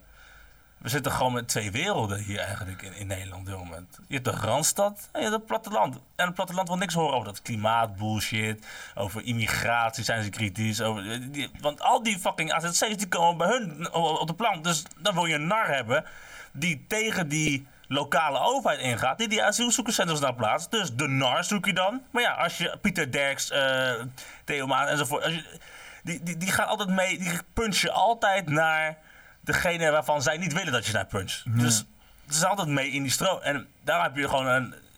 Ja, wat ik net eh, aangaf met die Red State, Blue State. Het platteland, dat zijn de republikeinse staten in Nederland eigenlijk een beetje. Ja, niet allemaal natuurlijk. Zit ook, op het, zit, er zit ook verschil binnen die, rand, eh, binnen die plattelanden natuurlijk. En niet iedereen is daar opeens rechts of zo. Ja, nou ja, het grappige is dat als je volgens mij onze boeren eh, hier in Nederland, de meeste rechtse boeren die hier in Nederland pakt, eh, in, in Amerika, in Texas zet, vrij links overkomen nog, zeg maar. Ja, zeg maar het, het is, het, is- heb je dat zelf ook al gemerkt? Met, eh, want je hebt natuurlijk allemaal verschillende. eh, eh, komt ook bij mensen thuis volgens mij, of, of in ieder geval. eh, in, ja dat zijn dan eh, voor de, de, de wappies, om zo te zeggen. Die nodigen ons dan thuis uit ook wel eens. Dat vind ik ook geweldig om te doen. Ja, zijn, het heb- alleen, is dat alleen zeg maar eh, die, die groep mensen die de, de, wat, hoe de anti-overheidsmensen zeg maar of zo? Dat zijn niet de enige anti-overheidsmensen. Er is nog een hele grotere groep die er tegen is. En het is ook heel divers allemaal. Hè? Dus de een gelooft in reptielen. De andere gelooft in... eh, Zoals we deze week hebben gezien. ja. Sommige mensen geloven in reptielen schijnbaar. Nee, maar dat... dat, Hoe, hoe, dat- hoe sta jij even tegenover je reptielen? Daar ben ik wel benieuwd naar. Het is schijnbaar een mainstream topic, topic nou, hè? Dat, eh, is opeens mainstream geworden, Ja. die reptielen. ja, ik heb vanmiddag nog een tele telegraaf-itempje zitten kijken over reptielen. Wat, wat is het dan? Wat, eh? Ah, dan ga ik hem erbij pakken. Dan kan ik meteen een nieuw bier pakken. Ik ben benieuwd. Reptielen. Eh, eens even kijken. Eh, ja, dus hier de Telegraaf. Ehm, eh, op een of andere manier weten ze het altijd weer een antisemitisme te maken. Dus eh, dat is ook altijd weer een kunst wat dat betreft. Dat is Thierry Baudet gaat op dit moment viraal met een interview waarin hij zegt dat de wereld bestuurd zou worden door reptielen. Wat is hier precies aan de hand? I'm a conspiracy theorist. I believe that we are being governed by a global conspiracy of evil reptiles. Waar kijken we precies naar? Ja, het is een, eh, een interview met een, eh, een buitenlands eh, kanaal. En waarin Baudet eigenlijk een ja, toch, toch vrij onverwacht inkijkje geeft in, in zijn ge- ge- gedachtenwereld. Ehm, waarbij een, ehm, een, een, ehm, ja, een heel dualistisch wereldbeeld wordt geschetst. Van de ene kant reptielen die deze wereld, evil reptiles die deze wereld zouden eh, beheersen, eh waartegen gestreden moet worden. En ja, eigenlijk de grote, de grote held in die strijd is dan Vladimir Poetin. Dat, dat is een complottheorie. Hè? Hij, geeft zelf volgens mij ook toe in het filmpje van... joh, ik, ik, ik hang complotten aan. Eh, eh, maar dit is best wel een eh, eh, bekende complottheorie, geloof ik, van, van de reptielen. Ja, dit is natuurlijk heel bijzonder. Als je als gewone luisteraar denk je van waar gaat dit in vredesnaam over? We worden door reptielen geregeerd. Heb ik iets gemist? Maar het is niet nieuw. Maar het is absoluut niet nieuw. En eh, degene, zijn, zijn achterban weet precies waar hij het over heeft. Want dit verwijst naar een eh, ja, groot complex van complottheorieën. die met name door David Icke zijn eh, eh, ver- ver- verwoord. Een, een Britse ehm, ja, conspiracy theorist. Complot van ehm, ehm, ja, reptielen. die, ons, die zich voordoen als gewone mensen. Hè, maar uiteindelijk zitten daar reptielen achter. En dus wij denken van, oh, dat is hè, onze, onze president, eh, de Amerikaanse president, dat is eh, gewoon mens. Maar nee, dat is het helemaal niet. Dat is een reptiel. Dat is een reptiel. Een van de belangrijke bronnen hierin is eh, antisemitisme. Joden en eh, reptielen, dat is eigenlijk al in de eh, iconografie, in de beeldtaal van het antisemitisme een, een hele oude. hè. Vind ik flauw, want Joden zijn inmiddels al uitgemaakt voor alles. Dus dan kan je alles wat negatief is richting de eh, machthebbende mensen eh, eh, naar antisemitisme trekken. Nou, ik heb wel een leuk feitje over die, die verslaggever. Jeroen? Ja, die is, die is echt fucking klein. Ja, ja maar dat zie je, echt dat zie je toch ik, ik heb een persoon ontmoet, maar ik ben een beetje een lul. Dus ik zag hem in de Tweede Kamer en op een gegeven moment... eh, niet te lang gezegd van, zo, jij bent echt veel kleiner in het echt, joh. Weet je wel? Dat vond hij niet echt leuk om te horen, maar dat was wel grappig. Nou ja, je kan tegenwoordig jezelf opera, overal tegen laten opereren, Jeroen. Hè? Zeg gewoon even een extra tweede kuit erin kletsen of zo. En die operaties zijn gaande tegenwoordig. Nee, maar over die, die, die, die reptielen, ja, ik vind het... eh, ik heb het ook eh, lang zien komen, hè, dat soort uh, theorieën. Ja, maar ik snap niet, waarom mag iemand dat niet zeggen? Dat snap ik niet. Ik snap Ja, niet- nee, maar dat, dat het dus gevaarlijk is. Hè? Het is dus gevaarlijk om, om dus te zeggen dat we beheer- geheerst worden door reptielen. Dat is, dat is gevaarlijk om te zeggen. Hoezo? Ja, ik weet niet. Misschien straks misschien is ze bang dat we allerlei schildpadden en kikkers gaan ophangen of zo. Of... ja, ik, Dat, dat, zou kunnen. Ik, Ja. ik heb geen idee wat ik ervan moet vinden. Ja, maar ik, ik zie het zo, zeg maar. Hè? Want we worden sowieso... Ik heb hier ook een leuke, leuk, leuk boekje staan. Zo. Niet dat ik lees of zo, maar ik heb wel boekjes. Eh, Ik doe het precies andersom. Eh eh, onzicht, de macht van onzichtbare bankiers. Dat, dat gaat dus over die, over die gekke eh, piramide waar we eigenlijk in zitten. Waar we niet verder kunnen kijken als de investeringsmaatschappijen. Hè? Dus inderdaad eh, de grote investeringsmaatschappijen. En de, de banken die dus zeg maar de... de eh, de centrale banken. En die zitten dan ook nog verenigd in een centraal clubje heb je dan. Maar verder dan dat kunnen we niet kijken. Daar houdt ons zicht op. Daar weten we niet meer of dan daarboven nog iets zit of niet. Het lijkt wel, want het is vaak heel erg gecoördineerd allemaal als je er van de buitenkant naar kijkt. Maar ja, in die zin, als je dan zeg maar wil interpreteren door wat dus onze controlerende macht is op dat globaal niveau, eh, ja, dan, kan het reptielen zijn. Aliens, dolfijnen, whatever, weet je wel. We kunnen het niet zien. Dus zolang mensen de hele tijd die waarheid voor ons verhuld houden, eh, ja, dan, dan zijn wij toch in mijn optiek altijd vrij om te, te mogen interpreteren wat dat betreft. Ja, het is iedereen, weet ik veel. Ik, ik, weet je, als jij zegt dat de wereld wordt geregeerd door reptielen. eh, wie ben ik om jou te stoppen om wat te geloven? Is het gewoon een soort van nieuwe religie of zo? Eh, het is een soort. Ja, maar ook een paar woorden in dat filmpje, weet je wel. Eh, geef, hij geeft toe. Weet je, als je dat als verslaggever zegt, dat betekent dus dat je een standpunt in hebt genomen. Want wat, wat geef je toe dan? Dat hij gek is? Dus dat jij normaal bent? Gewone mensen, eh, zei die eh, zogenaamde professor. Ja. Gewone mensen. Dus, dus Het is allemaal die NLP-shit is dat, hè? Er zitten gewoon mensen te programmeren hier. Ja, weet je, ik. ik ja, ik, ik, ik kijk dit soort shit niet meer, weet je wel. Ik, ik vroeg heel vaak Jinek, maar dat, dat, trek, ik ook niet meer. Ja, dat vind ik ook moeilijk. eh. ja, ik, ik, ik, ik doe nog wel eens een poging om op één te kijken. Want ik, ik doe hem gewoon op eh, internet, ook npo.nl. En dan kan je even... Weet Ja, wel, ze leven helemaal in een andere wereld, joh. het, het, is, maar het is ook gewoon, het is gewoon niet om aan. Het is gewoon, maar het is al heel lang niet om aan te zien. Maar eh, heel, soms wil ik even, als er dan bijvoorbeeld een onderwerp leeft, denk van oké, wat, wat, wat lopen ze er nou weer over te zeiken, weet je wel. Maar ik kan het gewoon niet. eh, het, het Nee, is zo. stel, stel je bent comedian hè, en je probeert grappen te maken vanuit jouw perspectief. En jouw perspectief is dat, eh, weet ik veel, dat, dat, dat het niet goed is dat AZC's eh, er komen. Maar jouw publiek kijkt Jinek. Snap je? Je? Jouw publiek kijkt Jinek en die heeft allemaal zielige asielzoekertjes en eh, bla bla, allemaal zielig. En we moeten iedereen opvangen. En dus ja, jouw publiek is helemaal gebrainwashed door, door dat beeld van asielzoekers. Die er ook zijn, hè, natuurlijk. Maar dat is niet het hele beeld, natuurlijk. En dat zijn ook niet allemaal criminelen, tuurlijk niet. Weet je, maar het is allemaal gebrainwashed. die- En dan ga jij als comedian daar tegenaan schoppen. Ja, je, je gaat geen lach krijgen. En dan zeggen ze, ja, dan moeten de grappen beter zijn. Nee, het heeft te maken met een bepaald referentiekader voor welk publiek jij speelt. En als je op het platteland speelt, zal je dat referentiekader veel eerder vinden. Als jij een comedian bent die vanuit dat perspectief redeneert. Want ik krijg heel vaak het verwijt van uh, comedians in de oude wereld eigenlijk. Hè? Doe het even, de oude wereld. De normale comedywereld waar iedereen eh, open podiums pakte en dat iedereen door elkaar heen speelde krijg ik nu altijd het verwijt van... ja, die jongen dan is hard voor humor opgericht... en ze preken nu allemaal voor eigen parochie, zeggen ze dan. Ze preken voor eigen parochie. Wie, wie jullie? Nee, die, die, die comedians die, die mij dan eh, nog kennen van eh, nog voor corona, zeg maar. Want Ja, ja. daar de- zat ik gewoon in een normale scene, zeg maar. En nu heb ik mijn eigen comedy collectief, weet je wel. En dan zeggen ze, ja, hij preekt voor eigen parochie. Nou, enerzijds, oké, ja, dat, dat zou zo kunnen zijn, hè. Dat wij dan voor eigen paro- pa- parochie preken. Maar doen jullie dat ook niet dan? Als jullie dan weer over eh, domme rechtse tokkies eh, belachelijk maken omdat ze tegen AZC zijn. eh, omdat ze denken van, hé, hey, misschien gaat mijn cultuur hier verloren, mijn, mijn, mijn identiteit. Is dat dan niet Is dat ook niet eigenlijk voor eigen parochie preken? Al die randstedelingen die... Lekker in een grote stad, daar in een Hilton Hotel, weet je ja, wel. lekker in een grote stad. In heel, is dat ook niet eigen, preken voor eigen parochie? Maar wij zeggen dat dan bijvoorbeeld zo'n Theo Maassen en zo in de Hilton staat en, en, en, en Hans Steeuwen? Hans Steeuwen niet. Theo Ja. Maassen is een soort van... Die heeft kritiek op zijn eigen kerk af en toe. Wat moet ik doen? Maar hij zit wel in die kerk. Zo- zo zie ik het hem. Zo zie ik hem. Hij zit in die kerk, maar hij heeft kritiek op zijn eigen kerk. En net niet hard genoeg, maar net genoeg om te zeggen van... Oké, jij, jij hoort wel bij die kerk. Ja, want het grappige is, want hij, hij, hij heeft het dus heel vaak op die... eh, ik, weet niet meer hoe die comedy show heet, maar die, ik weet nog die DVD-cover met die eh, witte en dan die zwarte vlekken, zo'n Rorschach-testachtige. Alleen dan van die Nederland, eh, was dan in de vorm van Nederland allemaal.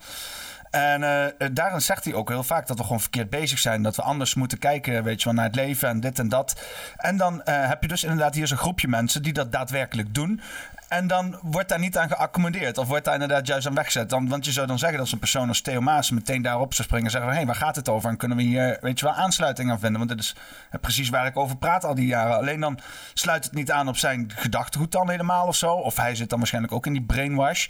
Eh, en dan gebeurt dat dus ook niet of zo. Snap ik bedoel? Snap ik bedoel? Ik snap wat je bedoelt. Maar ik denk dat ik het op een hele simpele manier kan illustreren... wat het verschil is tussen Hans Steeuwen en Theo Maassen. En dus waardoor Hans Steeuwen niet in die kerk zit en Theo Maassen wel. Een Ja. heel goed voorbeeld. Als eh, er een... Zeg als iemand die een bepaalde mening heeft... wordt vermoord om zijn mening... En volgens mij heeft Theo Maas dat een keer gedaan. Dan, dan zei hij, of, of wordt bedreigd of zo om zijn mening. Dan zei Theo Maas op een gegeven moment aan tafel ergens. Ik kan me niet meer herinneren welke casus dat was of welk interview dat was, maar doet er niet toe. Hij zei toen iets. En daar zie je het verschil met Hans Steeuwen. Hij zei toen van, ja, maar als je alles maar gaat roepen, dan kan je het ook wel een beetje verwachten. Die zin, dat, dat, dat typeert Theo Maas. Nee. Hij is voor het vrije woord, hij is voor dit en dit. Maar uiteindelijk zegt hij dan toch zoiets. Denkt hij toch wel? dat hij beter is, zeg maar, op Ja, een of andere manier? toch dat- ja, ja dan, dan moet je het ook wel verwachten. Ja, nou, alsof- Hans zou zoiets nooit zeggen. Nee. Die, die, die heeft die hele rant gedaan tegenover Peter de Vries. Toen hij nog leefde, toen hij, eh, toen hij over Charlie Hebdo had. Zei dat, eh, die, die ging dat belachelijk maken. Ja. Van, verwachten, weet je, het maakt me geen klote uit wat hij heeft gezegd. Ja. Weet maar eh, Theo Maas zou dan zeggen van... Ja, het was inderdaad wel heel erg wat hij zei. Maar inderdaad, vermoorden gaat te ver. Maar hij moet toch even zeggen... Het is heel erg wat hij zei. Die persoon die dat zei. Weet Ja, je wel? Moet ja. toch even zeggen. Dat is het verschil. Toch heel even oordelen, heel even, toch even, even een beetje woke, woke doen. Even een klein Nou, beetje, dat is het verschil tussen eh, Theo Maas en Hans Steeuwen. een vleugje wokisme. Ja. want wat vind jij ervan? Hoe, eh, hoe, hoe beleef jij, want hoe, hoe lang is die hele woke zo nou al bezig in jouw optiek? Ja, leuk verhaal. Kijk, ik heb me altijd gezien als iemand die strijdt voor het vrije woord. Zo heb ik me altijd gezien. En ik denk dat het heel mooi is dat Hart voor Humor dan ook dat statement heeft van comedy van het vrije woord. Dus dat staat echt in mijn... Dus het voelt ook op... gegeven- Ik ben 24-7 bezig. Als ik klaar ben met ongehoord overdag, dan ga ik door naar Hart voor Humor en dan ga ik daar dingen voor doen. En anders zit je de podcast ergens. En anders zit ik de podcast ergens. Voor mijn eigen show, 17 november, haal kaartjes. Haal kaartjes voor, voor 17 november. Voor, wat, 17 november? Ja, voor, Café. Oké, doe even deze week dan. Dan weten ze waar ze aan toe zijn. Kom, haal even kaartjes. Ja. Waar, waar kunnen ze die halen? Hartvoorhumor.nl Nou, dat is niet moeilijk. Maar ik heb dat niet blowen. Typ het goed in. www.hartvoorhumor.nl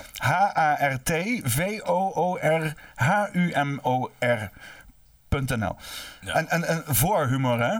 Niet Voor. van humor of zo. Voor niet, humor. Niet, niet je voorzetsels nou. Niet achter humor, niet naast Dat humor. zie ik wel eens tussen de, bij de statistieken, bij de shirts. Zie ik in staat dat mensen een hart van humor. Ja. Dat zie ik dan. Niet op humor, niet onder humor. Voor de mensen die dat doen, wat ben jij een teringmogol, hè? Oh, oh. Ja, jij bent een, eh, een, een voorzetselist. Je hebt geen tolerantie voor mensen die een voorzetsels fout eh, schrijven. Ik ben geen taalnazi, maar hart voor humor moet je toch godverdomme kunnen onthouden, joh. Ja, eh, eh, die, eh, Amy van Son die heeft ook een initiatief die zij doet. En dat is Helden vol verhalen. Helmen vol verhalen.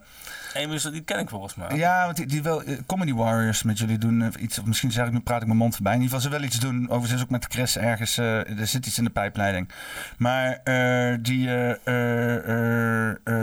ook ja, helmen vol verhalen. Dat is ook zoiets. Vol. Heb ik ook wel eens een keer heb helmen voor verhalen gezegd. Dus ik ben zo'n persoon die dat, die dat verkeerd doet. Ja? Dus, dus sorry man. Dat is geen probleem. Je bent wel heel Je vergevingsgezind. hebt me ik. gecompenseerd met de podcast. eh. Oh, nou, geloof me, ik ben net zo blij dat jij hier bent en dat jij dan blij bent dat jij hier zit, denk ik. Nee, maar ik, ik, ik ook met, met preken van eigen parochie, weet je wel. Wij bij Hart voor gaan ook tegen narratieven in binnen, die, die, binnen dit publiek, zeg maar. We gaan daar ook tegen in. Bijvoorbeeld, ik ga tegen spiritualiteit in. Eh, ik- Oeh. ja, de spiritualiteit is, is, is, is vercommercialiseerd in die, in die hele wappie community, hè. Maar, maar vind je dan niet dat we allemaal één zijn?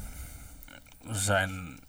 Ja, ik, vind dat we, ik denk dat we allemaal één zijn op een bepaalde manier. Dat we vanuit dezelfde bron komen, uiteindelijk allemaal. Het is ergens ontstaan en daar zijn we dus allemaal vanuit ontstaan. Daar is dit tijdschrift vanuit ontstaan. Vanuit de gedachte kan je het ook zien, hè? Niet, niet vanuit de, qua materie, maar ook vanuit gedachten. Iets ontstaat toch ook vanuit iets. En dat iets zit in ons allemaal. Dus ik denk dat wij inderdaad eh, allemaal één zijn op die manier. Ja. Maar eh, als iemand naar een spiritueel coach gaat, wat dan?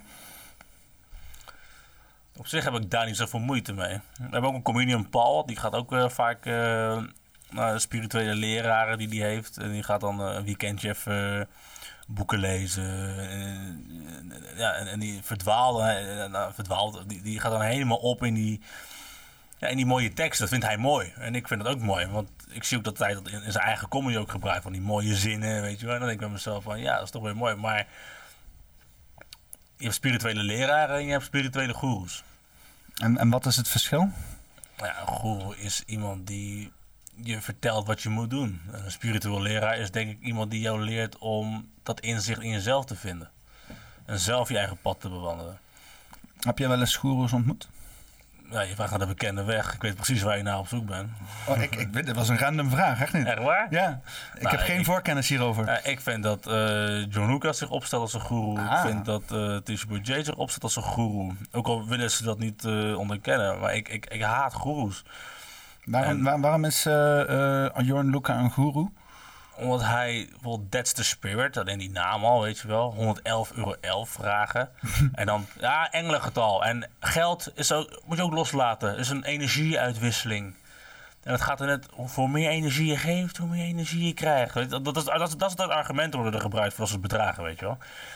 En, eh, en dan gaan ze ook mensen zogenaamd helen, weet je wel, met die, met die 111 euro 11, weet je wel. En ik denk, de mensen die geheeld moeten worden, hebben volgens mij geen 111 euro 11 te makken.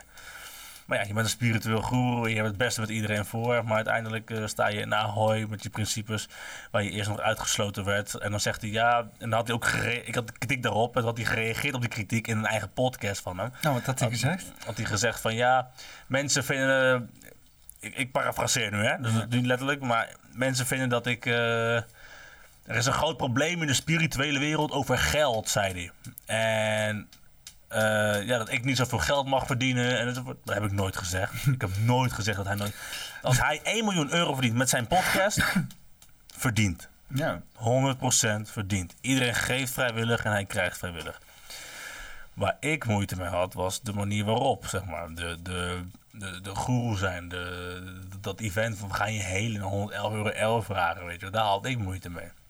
En ook dat hij zijn vrijwilligers eh, niet betaalde. Uiteindelijk heeft hij volgens mij bij Ahoy wel wat gegeven. Maar bij al die events waar hij netto 30.000 euro omzet heeft hij gewoon let, winst mee pakte. Geen omzet, winst betaalt hij, gaat hij vrijwilligers vragen om kaartjes te scannen gratis. Maar je, maar je bent voor de nieuwe wereld. Ja. Snap je wat ik bedoel? Je bent voor de nieuwe wereld. Maar we doen exact hetzelfde als wat de oude wereld doet. Je mag bij het festival zijn als je vrijwilliger bent. Welke festivals doen dat? Allemaal in die oude tyfuswereld waar, waar je QR-codes eh, eh, gevraagd werden. Omdat ze allemaal opportunistisch zijn en alleen maar denken aan zichzelf. ja, maar als Jorn Luca er niet was, dan zou het helemaal niet bestaan. Wat bestaan. De That's the Spirit. Klopt, en daarom is hij ook de grootverdiener daar. Net als Isa. Zij, zij creëren dat event. Het is logisch dat zij het meeste verdienen bij dat event. Dus zij hebben die achterban gecreëerd. Zij hebben, dat is compleet logisch. Tenzij je een communist wil zijn en zeggen van... Nee, eh, ze mogen niet zoveel verdienen en eh, iedereen moet gelijk betaald krijgen. Nee, Ja, maar dat, dat is toch wel zeg maar het alternatief, toch? Dat je dan zegt van... Of dat je inderdaad gewoon zegt van ik verdien helemaal niks of zo. Of iets, eh, weet je wel. Dat soort ja, dat wordt dan vaak gezegd van... Dan word je gewoon een monnik, weet je wel. Dan eh, ga je gewoon in een klein krotje leven... en dan zorg je dat iedereen om je heen het meeste krijgt, behalve jij. Dat is, Ja. dat is echt een nobele shit. Nou ja, als je, als je echt zo spiritueel bent, dan, dan doe je dat, denk ik. Dan ben je echt spiritueel. Dan ben je Ja, het, het is wel... Het is wel ik, ik vind wel... Maar ik, ik, heb, ik, heb, ik, ik zie Jorn Luca ook niet eh, eh, als een of andere eh, guru, zeg maar. Ik zie hem als een of andere DJ... die een mooi opportun heeft gepakt... om iets anders te gaan doen in de pandemie. En is gaan podcasten. En daar is een beetje alle gewicht wat hij heeft tegenaan gezet. En, eh, Ja, maar je moet ook fair zijn, hè. Hij heeft wel een risico genomen, want hij had best wel wat eh, opgebouwd. eh, events enzovoort. En dan toch had, hij keuze daarvoor, had, hij, had hij daarvoor ook al shit? Want ik kende hem daarvoor namelijk helemaal niet. Jawel, hij- het is geen arme jongen volgens mij. Het was wel iemand die wat opgebouwd heeft, hoor. Dus niet dat John Luca uit het niets in één keer... Weet je, zijn mentaliteit heeft hem ver gebracht in die oude wereld en nu ook in die nieuwe wereld. Dus het is wel een kwaliteit van hem dat die mensen eh, bij elkaar weten te krijgen, events organiseren. Hij weet wel hoe hij het moet doen, weet je wel. Het is geen koekelbakker. Maar is dan niet, eh, niet, ik wil niet te veel Jorn Luca gaan verdedigen, maar een klein beetje nog. In ieder geval gewoon zijn positie, weet je wel. Want het zijn natuurlijk meer mensen die misschien in zijn positie komen.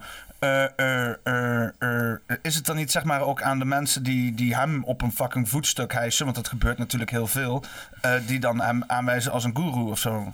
Of zo, weet ik veel. Nou, ik- Of die, ik een keer die hem zien als zeg maar de oplossing of de waarheid. Want dat is een serieus probleem. Maar dat is niet zozeer aan die mensen die allemaal iets te bieden hebben. Dan, eh, de, de probleem is in mijn optiek al die mensen, individuele mensen die op zoek zijn naar een waarheid. Iemand om tegenop te kijken, weet je wel. Nou, ik had laatst een column geschreven voor een andere krant. En toen eh, was ik letterlijk eh, een verhaal over spiritualiteit aan het houden daar zo. Gewoon over wat nou echt spiritualiteit is. Dat ik me niet identificeer met de spirituele wappies, om het zo te zeggen. En dat ik me meer identif- identificeer met ja, de rechtse wappies, de, de Jensen-fans, de, de Theo van Gogh. De wordt wakker, wappies. Ja, de wordt wakker, weet je. Nederland. Veel eh, hartjes en zo. En op Telegram heb je die altijd. Met ik veel... identificeer mezelf meer daarmee. Zeg maar. Ah, ja, ja. Om het even bruut te zeggen. Weet je? Niet dat ik met alles eens ben of zo met die mensen. Maar wat ik dan wel. Ja, in, in die column had ik het over de spirituele goeroes. Had ik kritiek op. Beetje aan het afbranden, weet je wel. Maar ik ging toen ook in de eerste versie van de column. Die versie niet geplaatst. Ik heb daarna een tweede versie geschreven, omdat de kritiek ook wel terecht was. En in de eerste versie viel ik de goeroes aan en viel ik de mensen die ze volgen aan. Nou, was een beetje too much. Maar ik, ik, ik ben nog niet uit of op wie ben ik nou boos. Maar ik denk eigenlijk op de mensen die ze volgen, eigenlijk. Nou ja, je hebt al iets sterks Of nou, boos. eh, ik ben niet boos op de mensen die ze volgen. Ik ben teleurgesteld Ja, in de mensen die ze volgen. Ik ben niet boos, maar teleurgesteld. En je, Ja, dat is ik heel ouderlijk van je. toe, eh, nuanceren. Nee, maar eh, ik denk wel dat je echt iets hebt, zeg maar. Want je hebt natuurlijk die hele Great Awakening, hè? Iedereen Ja, die... de, de, Great Awakening. De Great Awakening. Alles komt goed. En eh, ik, ik in zekere zin, eh, ik, heb me daar ook al wel in laten verkopen al een tijdje. Dat is zeg maar die hele eh, astrologische overgang van het Vissen-tijdperk naar het, het Waterman-tijdperk. Is Ik gewoon, geloof die shit. Nou ja, het is schaamde, weet je. Je kan erin geloven of niet. Maar ja, je hebt een zo'n sterren... Oké, oké, sommigen die eh, eh, full in flat earth zijn, die kunnen daar, eh, daar ook vraagtekens bij Geloven is ook een groot woord, hè? maar ik, ga mee in dat soort theorieën. Ik, ik hou ervan om daarover na te denken. En ik denk ook inderdaad we naar een ander tijdperk toe gaan. Daar Ja. geloof ik op zich in. Ja. Dan gebruik ik nog het woord geloven, maar ik kan het niet anders verwoorden. Maar ik geloof daarin. Ja, en, dan, en sinds de jaren zeventig wordt er al gezegd van... ja, iedereen moet een beetje stuk naar binnen, weet je. moet naar binnen treden. eh, eh, en dat wordt natuurlijk Zo, heftig dat is onderdrukt. aardig gelukt hè, de afgelopen 40 jaar. Nou, ik denk dat het onderdrukt is. Dat gewoon ze in de jaren tachtig zoiets hebben gezegd van... weet je wat, dat gaan we eens even niet doen. We gaan deze mensen helemaal overspoelen met materialisme, eh, materialisme en, en overbundigheid. dat, dat is een leuke theorie. ja. Dat is ook nog niet bekeken. Dat, dat, dat, dat, dat die switch onderdrukt is, zeg jij. Ja, ja, ja, sowieso. Dat is ook een leuke theorie. Maar mijn theorie was, eh, eh, het was gewoon horse shit. New Age, 5D spiritualiteit. We gaan het allemaal en lekker eh, de, de- alle jaren 70 lekker iedereen plat neuken. Weet je, oh, weet je, lekker de pil uitvinden. En door de pil ja, vallen vrouwen op vrouwelijkere mannen. Hè? Dat, dat, dat is biologisch iets, omdat ze niet ovuleren. En in de ovulatie vallen ze juist op de meest masculine mannen. Maar wat, wat zien we om ons heen in 2022? Allemaal flikkermannen om ons heen. Dat is allemaal het resultaat van van, van die teringzooi die, die, die, die ze hebben geslikt. Hè? Ja, maar dat, dat is gewoon zo. Want Ja. ze, ze hebben zich met elkaar voortgeplant. eh, en nu hebben we allemaal Tim Hofmans. We hebben allemaal eh, lesbische heren rondlopen. Ja. Dat is mijn theorie. Ja. nou ja, daar zit wel wat in. Want sowieso, anticonceptie heeft sowieso een hoop verneukt. Dat geloof ik wel, ja. Dus ook, Ja, Ik snap ook niet dat mensen daar oké mee zijn. Want ik heb nou drie, vier vriendinnen gehad aan de anticonceptie. Het was allemaal gezeik. Ik heb allemaal gezegd van ja, hou er Nee, maar maar- mee op, weet je wel. Nee, maar die, die schijnen dus echt veel minder goed hun partner te kunnen uitkiezen. Omdat er bepaalde hormonen Ja, pheromonen en zo en shit. Ja, allemaal gedereguleerd. Dus ze kunnen niet meer kiezen. Nou, en wat Ja, maar voor- dat was een dingetje. Dat was zelfs op het nieuws. Dat ze dus zeiden van dan eh, eh, eh, trouw je met iemand en dan ga je daarna aan de pil. En vera- verandert je hormoonstelsel en dan reageer je niet meer hetzelfde op de, op de geur, op de pheromonen die van je man afkomen. En dan wordt hij in één keer af, eh, niet meer aantrekkelijk. Dat is gewoon mainstream shit. Ja. ja. Nee, ja, maar dat is wel een dingetje. Maar, ik denk wel dat het echt onderdrukt is. eh, eh, met, met allerlei rare gebeuren en zo. En dat daar bijvoorbeeld 9-11 een deel van uitmaakt. De gecontroleerde economie, de constant voorbestaande crisis, de klimaatcrisis. Al dat angstzaaien bijhoort van het onderdrukken van ons potentieel spiritualisme. Want in, in mijn Ja, optiek. dat, dat weet, ik, ik weet niet of 9-11 zo, zo is gegaan. Ik, weet het allemaal niet, joh. Ah, nou ja, want ik denk wel als wij zeg maar. Het zal best wel zijn. Maar, maar- maar het kan toch ook Maar- best zijn dat. dat, dat stel, eh eh ja, Afghaan. Dat die mensen het hebben gedaan, die, die moslimterroristen, dat zou toch ook kunnen?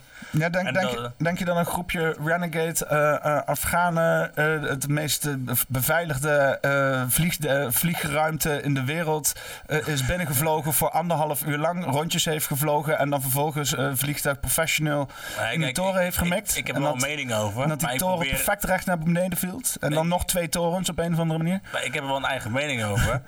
maar wat ik probeer te zeggen is dat je op alles een theorie kan loslaten. Je zou een theorie dat kunnen sowieso. los- zeg maar, je, je zou op alles een theorie en ze zullen allemaal kunnen ze waar zijn, zeg maar. Alles kan waar zijn, ja. Hoe kwamen we hierop vanuit spiritualiteit? Nou ja, omdat in mijn optiek is dus inderdaad 9-11 is ook een, een, een aanval op spiritualiteit. en- Oh ja, mensheid. over dat eh, jaren 70. eh, Ja, jaren 70 was er zo'n Dat, openbaring. dat jouw en- theorie is dat in de jaren 80 dat ze die spirituele shift hebben onderdrukt door materialisme en angstzaaierij. Ja. Waardoor we dus niet meer. Dat wat je zegt. Ja, dat we niet meer in, vrij van angst leven en juist de verbroedering zien in elkaar en samen kunnen komen en niet te denken in ko- tekorten, maar in oplossingen. Maar dat we dus de hele tijd bang worden gemaakt voor elkaar en daardoor in tekort denken en daardoor angstig worden en dan allerlei rare keuzes maken, gaan lopen hoorden en gaan denken in geld, zoals en denken om imago en al dat soort shit, weet je wel.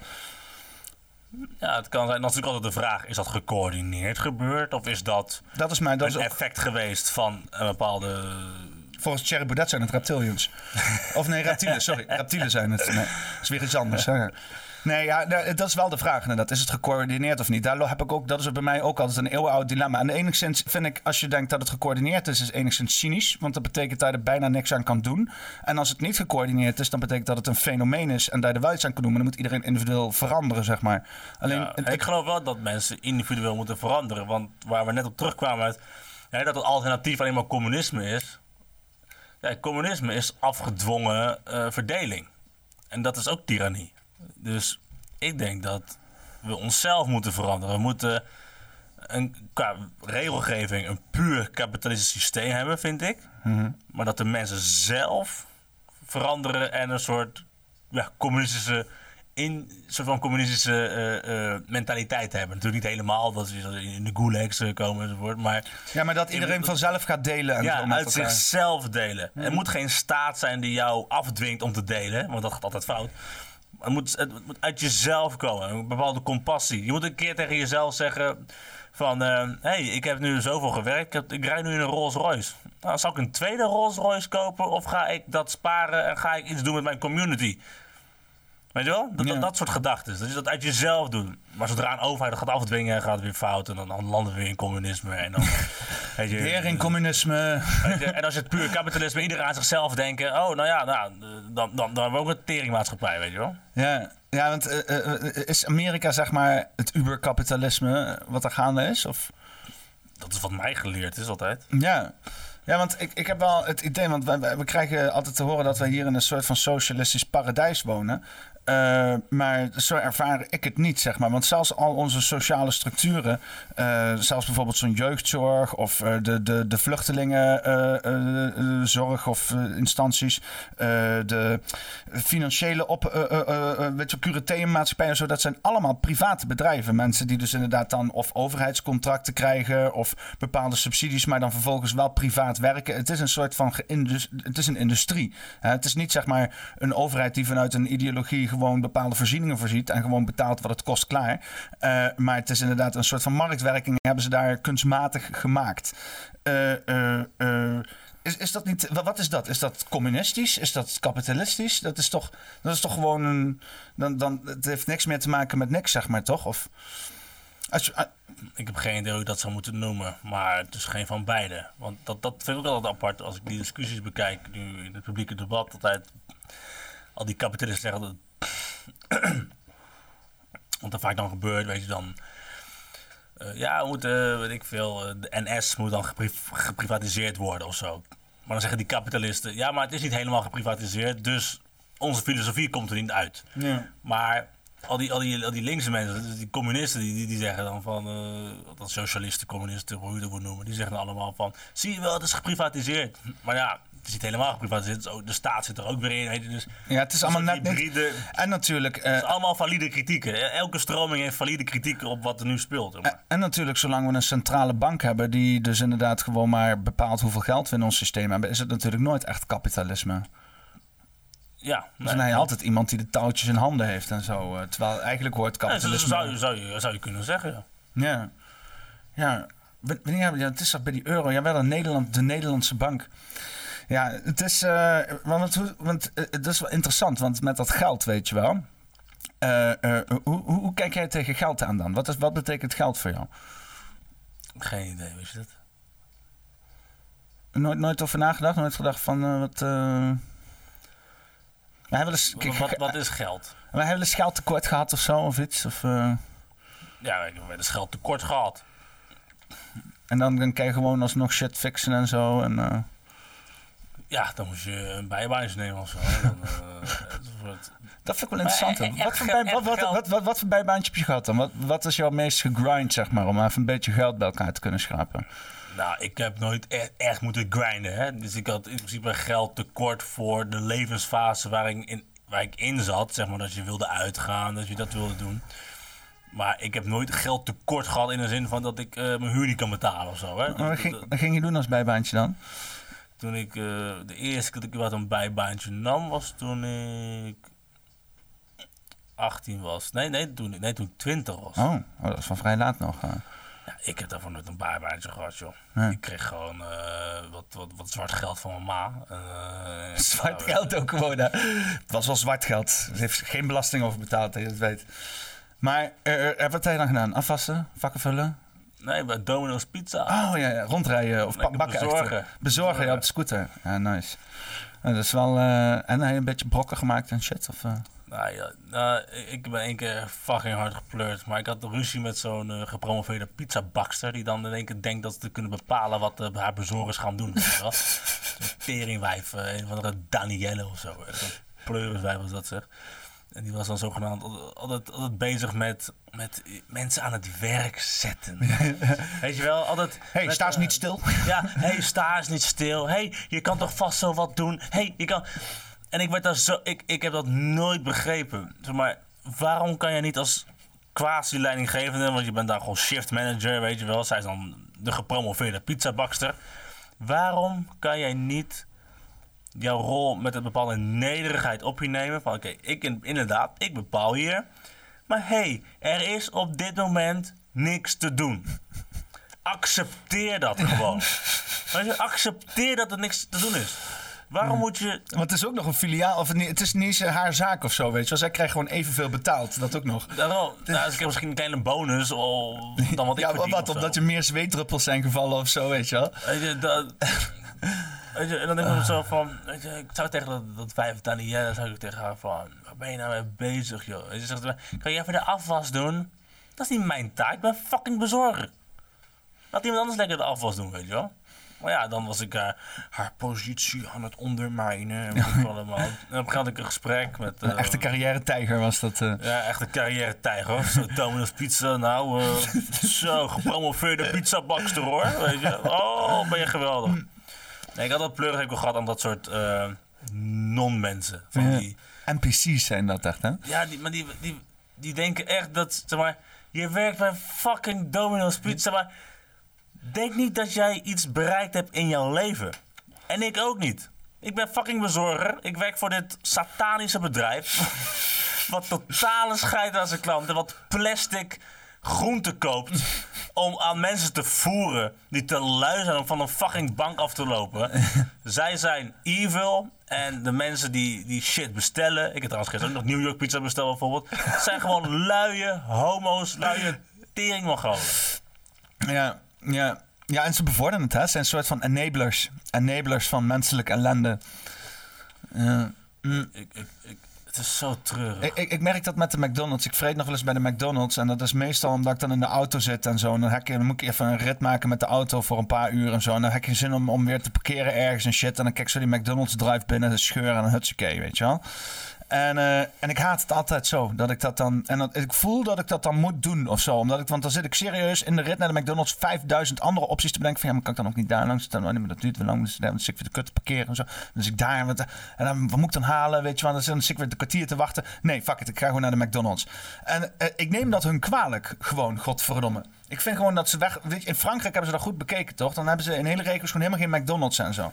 Ik vind, dat we dat ook meer moeten doen, weet je wel. Of andere bedrijven net zo makkelijk moeten maken dat ze ook gewoon, zeg maar, die, die, die, die markt kunnen penetreren van hè, eh, ah, eh, in de auto iets ergens kunnen vreten. Ja, ik, ik, ik vind sowieso die McDonald's, hè, dat is ook weer. Weet je, Vreet je wel eens met een McDonald's? de laatste keer was twee maanden.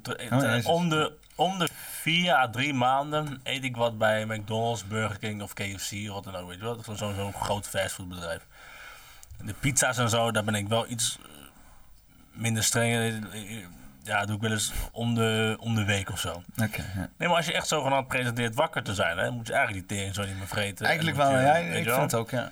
Ja, niemand is puur, hè. Niemand is Niemand puur. is puur. Maar dat, dat is ook. Ja, dat, zei ik ook- in die podcast van Kenny. Van, ik, ik hou niet van mensen die, die soort van non-duaal proberen te zijn. Weet je wel, die non-duaal. Ik ben het licht, weet je wel. Nee, nee, je bent niet het licht. Nee. Ook, ook, ook jij loopt, eh, eh, weet ik wat, te schelden als jij weer jezelf scheert en er zit een klein schaartje in. Weet ook, jij loopt dan te, te, te, te- kankeren, weet je wel. Dat doe je toch ook? Iedereen heeft een bepaalde ja, ieder, iedereen is duaal. Dus je kan niet alleen maar in het licht staan. Je bent ook, je bent, je bent ook een duister wezen. Je hebt ook duistere gedachten, toch?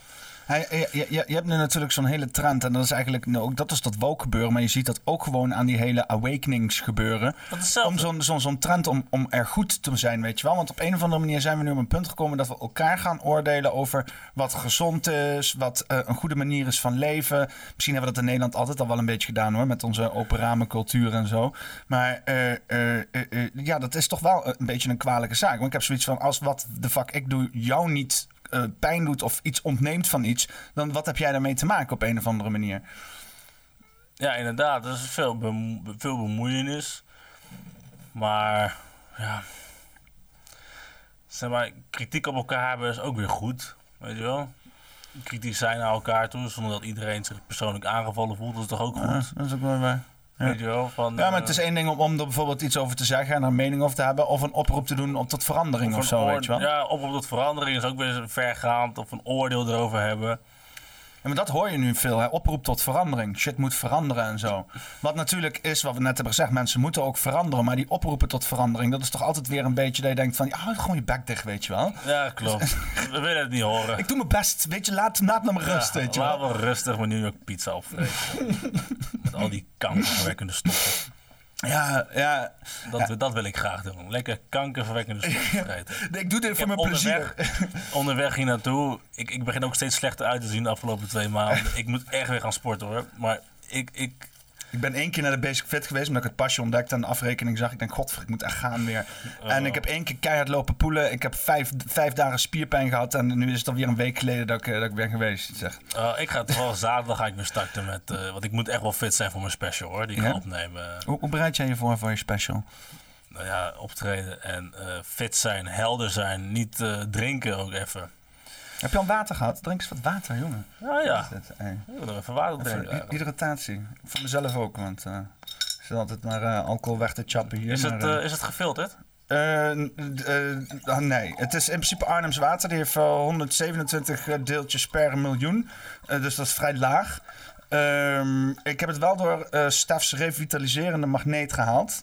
Eh, dat is een, eh, een magneet met een bepaalde configuratie aan, aan, aan, aan veld. Die dus inderdaad de, de deeltjes hierin eh, neutraliseert. Zodat het informatievrij is. Zodat het niet meer geprogrammeerd is om je aan te vallen. Maar geprogrammeerd is om alles wat er in jou zit mee te nemen, zeg maar. Dat is het idee in elk geval. Het is allemaal nog vrij theoretisch en zo, laat ik het zo zeggen. Nou, ik eh, ben benieuwd eh, het effect heeft. Ach ja, ik, ik kan ook zeggen nog altijd van als je er maar in gelooft. Hè? ja, het, het, het is een beetje de hele valkuil van die hele... Want ik vind het wel, ik vind het wel belangrijk. Want wat ik nog een punt wil maken over die spirituele revolutie en de Great Awakening... is dat dat natuurlijk gepaard gaat met een hoop fake gurus. Weet je wel? Een hele hoop fake gurus. Allemaal mensen die natuurlijk op allerlei manieren dit proberen uit te baten voor hunzelf. Ik en zeg, ik wat. ook altijd, er zijn heel veel fake spirituele. Ja. Pas op voor de Boeddha in een maatpak. Pas op. Boeddha en een maatpak, kerel. Mhm. Een flink maatpak hebben. Ja, als je, eh, weet je, ook, weet je, nu, ik- nu ik erover nadenk, hè. De Boeddha wordt dan vaak gezien als het, het licht, of je wel zo eh, moet je leven, dat is de levenswijze. En natuurlijk heeft hij ook fantastische dingen gezegd en gedaan en eh, niks ten nadele van de Boeddha. Ik ga niet de Boeddha aanvallen. Lekker dik alles. Ja, maar dat is het punt dus. Al die verhalen over hoe hij geleefd zou hebben. Vasten, al die dingen. Zo. Ik, ik zie niet aan zijn lichaam. Volgens mij, is de, volgens mij was hij ook. hij- Volgens mij was hij de eerste spirituele fake guru die er was. Deed die dikke boeddha vasten, ja? Ja, Het is inderdaad mij een wel. sterk verhaal, inderdaad, ja. Ja, eh, hoe kan je zo dik zijn dan? Volgens mij was hij gewoon stiekem allemaal hamburgers aan het vreten. Of weet ik wat ze toen verraden. Vasten, wat heb je tussen je vetrol zitten daar Je kan dan? wel zien dat dat een fake shit is, zeg maar. De eerste Jezus, Jezus zag er goed uit. Ja, dat zeggen ze dan, hè? Dat zeggen ze dan. Maar Geef hem een wasbordje. Ja, in, in de afbeelding. Geef hem een sixpack. Nee, maar hij, toch, hij ziet er wel beter uit dan Boeddha. Ja, ja. Ja. Ik geloof dat meer, zeg maar. En aan de ene kant vind ik dan ook wel mooi dat, we da- dat mensen dan gewoon zo'n lekker dikketje aan het aanbidden zijn, weet je wel. Dan voel je ook een stuk beter over jezelf. Dan dat je Ja, aan het kijken bent naar zo'n vette sixpack dude aan een kruis, weet je wel. Nee, daarom. Ik ben nog aan het doodgaan, nog heb ik een sixpack, weet je. Dus het is niet om tegenop te leven tegen die Jezus gozer. Nee, dat- dat, is het wel. Dat, dat, dat, dat, dat is letterlijk wat het is. Ja, want ben, ben, ben, jij een beetje spiritueel en religieus of iets of zo? Of eh, heb je ik iets... ben wel eh, spiritueel. Ik geloof in on, eh, in, een, in, in een onsterfelijke bron waar we op een gegeven moment naartoe gaan als we sterven. Ik geloof het, het misschien zelfs, afterlife, zeg maar. nou, ik, ik geloof misschien zelfs in, in reïncarnatie. Geloof ik misschien zelfs. Meerdere levens en zo. Dat je, nou ja, dat je meerdere levens kan hebben, daar geloof ik ook wel in. Weet je wel. Ik Heb je wel eens er- er- ervaringen of, of, of dingen gehad in je leven die je kan refereren aan misschien iets wat niet in dit leven afspeelt? Dat niet. Maar ik heb een keer een rare ervaring gehad. Dat was mijn oom, Mordechai. En die eh, zei tegen mij... Ik had wat gesprekken met hem over de familie eh, enzovoort. Ik wilde een beetje weten hoe mijn familie, vaderskant in elkaar zat. Want ik, ik ken mijn vader niet eigenlijk. Zeg maar, ja, nu wel een beetje. Maar in ieder geval, lang verhaal kort. Zeg maar, ik, eh, ik sprak mijn oom, Mordechai, eh van... Hey, eh, hoe zit het nou allemaal? En op een gegeven moment, nou ja, hij zei dat hij heel erg gelooft in reïncarnatie. En hij vertelde mij dat hij denkt dat ik de reïncarnatie ben van de vader van zijn moeder, zeg maar. Mijn overgrootvader, volgens mij. Dus een En soort van incest-reïncarnatie of zo. Of, Ja, maar hij, hij gelooft dus dat volgens mij... In de, ik, ik kan niet namens hem spreken, maar hij, hij gelooft volgens mij dat, dat, dat het in, in, in, in families eh, in elkaar reïncarneert. En dat we een, een Joods verleden hebben, dat iedereen daar is omgekomen in de holocaust. En dat ze, dat ze dicht bij elkaar reïncarneren, zeg maar. En, maar hij vertelde mij van, eh, dat hij overgrootvader graag journalist had willen worden. En dat hij heel erg voor het vrije woord stond. Dat, daar, dat dat soort verhalen zouden rondgaan over hem of zo. En toen hij dan mij dat vertelde, was in een spraakmemo. hoor. Dus op een gegeven moment hoorde ik dat. was toevallig net één, één week in de lockdown of zo. Dus ik was best wel veel bezig met dat soort... eh, ja, je hebt, opeens tijd, hè? Ja, dat was, Dus ga je dat soort dingen uitzoeken. in één keer hield alles op. Ja, maar toen- gebeurde er wel iets in mij. En ik dacht van, oh, wat de fuck gebeurt? Een soort van, ja, hele, hele rare ervaring. Dat heb, heb ik nooit ook verteld aan hem eigenlijk. Eh, ben, van heb ik het later wel verteld. Maar in ieder geval, ik dacht van mezelf van, wow, wat zeg jij nou? Maar het kan natuurlijk ook gewoon een schok zijn van... eh, eh, ik ga alles ra- rationaliseren, doe ik altijd. Van, nee joh, weet je. Maar misschien was het wel een bepaalde... Mijn ziel, ziel, ziel van binnen. Dat, dat te denken van, ja, ja, dat ben ik. weet je wel? Want je, je, je had zoiets van, ja, dat is wat je wil zijn eigenlijk op een of andere manier. Ja, maar dat, dat, dat zat al heel erg van kleins af aan in mij. Dat, dat vind ik wat Jordan Peterson bijvoorbeeld altijd eh, heel mooi zegt. Van, van, what is that? Zegt hij altijd. What is that? Dat, dat kleine kinderen... Waarom is het ene kind zo erg gefixeerd op tekeningen maken? En waarom is het andere kind zo erg gefixeerd op dingen bouwen? En dat worden dan later nog ingenieurs. En waarom is het ene kind... Waar komt... Wat, wat, wat drijft de drijf? Wat ik bedoel? Mensen zeggen... Ja, de ene houdt van dit en de ander houdt van dat. Maar waarom dan? Ja. Dat weet niemand. Weet je wel? En, en waarom was ik op mijn achtste al online eh, verslag aan het doen eh, van, zeg maar, online voetbalwedstrijdjes? Was ik online, had ik radio en zo. Waarom deed ik dat? Wat was dat? Toen, toen ik 12 was, schreef ik mijn eerste teksten en ik wilde journalist worden. Gewoon, gewoon pap in mijn hoofd. Ik, ik wil journalist worden. Maar Waarom was dat dan? Weet je wel? Maar wie was eh, jouw uh, over om dan? Zei je? Wie was de persoon die jij eh eh, Ja, de-. Van wie ben jij de Volgens mij de vader van mijn oma. En, en, oh, de vader van je oma. Dus, Aan mijn vaders kant. Volgens mij. Dat, dat, dat was dan het verhaal. dus jouw overgrootvader. Ja. En, en wie was hij dan? Ik bedoel niet qua naam, maar wat, wat deed hij dan, zeg maar? Of whatever. Volgens mij was het verhaal nou, volgens mij wilde hij heel graag de politiek in, maar de wereld stond er anders voor, want de Tweede Wereldoorlog en zo kwam enzovoort. Toen heeft hij in het verzet gezeten. eh, christen was hij en hij is dan getrouwd geweest dus met Joodse eh, vrouw. En daaruit is dus mijn oma uitgekomen of zo, volgens mij, uit mijn hoofd nu even. En, maar zijn vrouw heeft hem altijd tegengehouden om de politiek in te gaan. En, maar hij wilde graag journalist worden, maar eigenlijk is hij verkoper geworden. En na de, de Tweede Wereldoorlog, nou, dat al voorbij was, toen is hij alcoholist geworden. Dus is hij best wel eh bed gegaan. En volgens mij op zijn 60ste overleden of zo. Heel depressief en Ja. eh, kon zijn ei niet kwijt bij zijn vrouw. Dat Ja, is dan volgens ben- mij het dan- verhaal ongeveer. Dus dan ben jij hier om zeg maar, die tweede helft die verloren is gegaan in de oorlog uit te spelen voor jouw oom, zeg maar. Ja, in zijn Oh, jouw overgroot, oh, Ja, mij- eh, overgrootvader, ja. Dus ik ben dan nu eh, de lessen aan het leren die ik dan eh, zou moeten leren, zeg maar. Dat, dat, dat zou dan het verhaal zijn, hè? Ja. Ja, maar dat is ook een beetje die... die Maar ik, ik, ik heb ook best wel drankproblemen gehad. De laatste tijd niet meer. Ik, ik drink nu met mate en ik, ik, ik beheers het. Maar ik heb wel een bepaalde drijf van dat ik alcoholist zou kunnen zijn als ik niet genoeg te doen had, hoor. Nou ja, heb hier gewoon biertjes afgeslagen, alles. Dus, eh. Dat is puur omdat ik fit wil worden. Maar ik kan best een biertje drinken en een stuk of zes en dan rijd ik weer naar huis, hoor.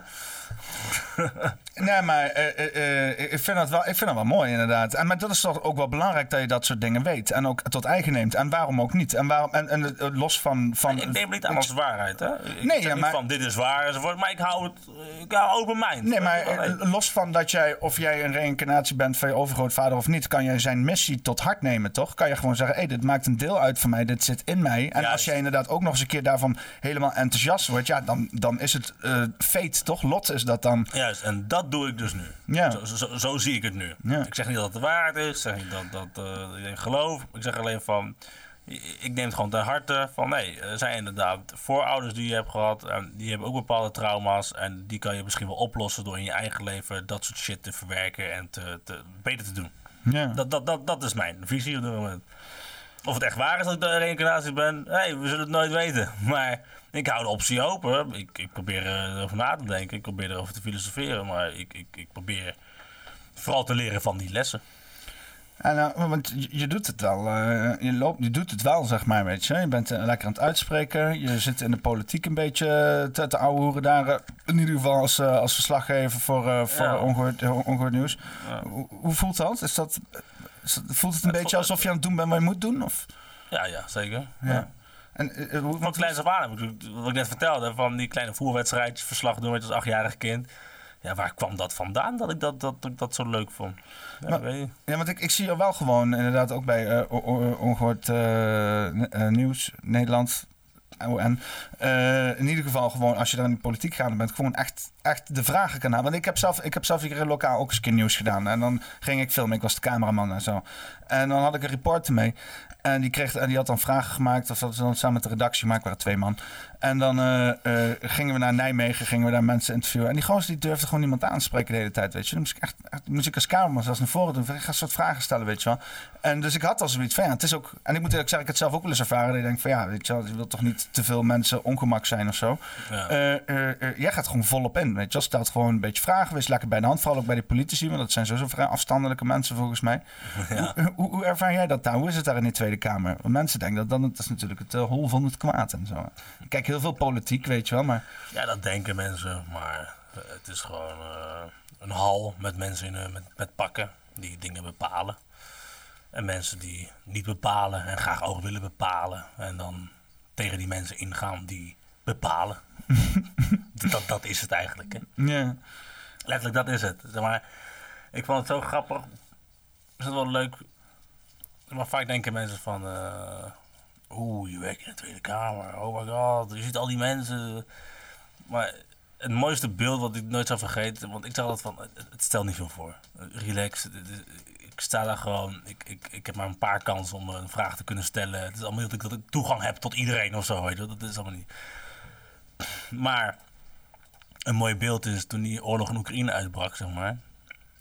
Weet je wel? Die, die, dat het echt helemaal nieuws was. Ja, nu breekt het Ja, ja, Poetin stond al eh, zes, eh, zes maanden voor de Ja, daar of zo. al die maar verhalen, zeg maar. nu ging het echt gebeuren, dat Ja, was nu, het nu ging het echt Nu gebeuren. ging het echt echt gebeuren. mainstream, allemaal nieuws enzovoort. En iedereen in rep en roer, als je de kranten zou moeten lezen en alle talkshows. Echt, de gangen op die Tweede Kamer, gewoon muisstil. Gewoon krekelgeluiden. Gewoon...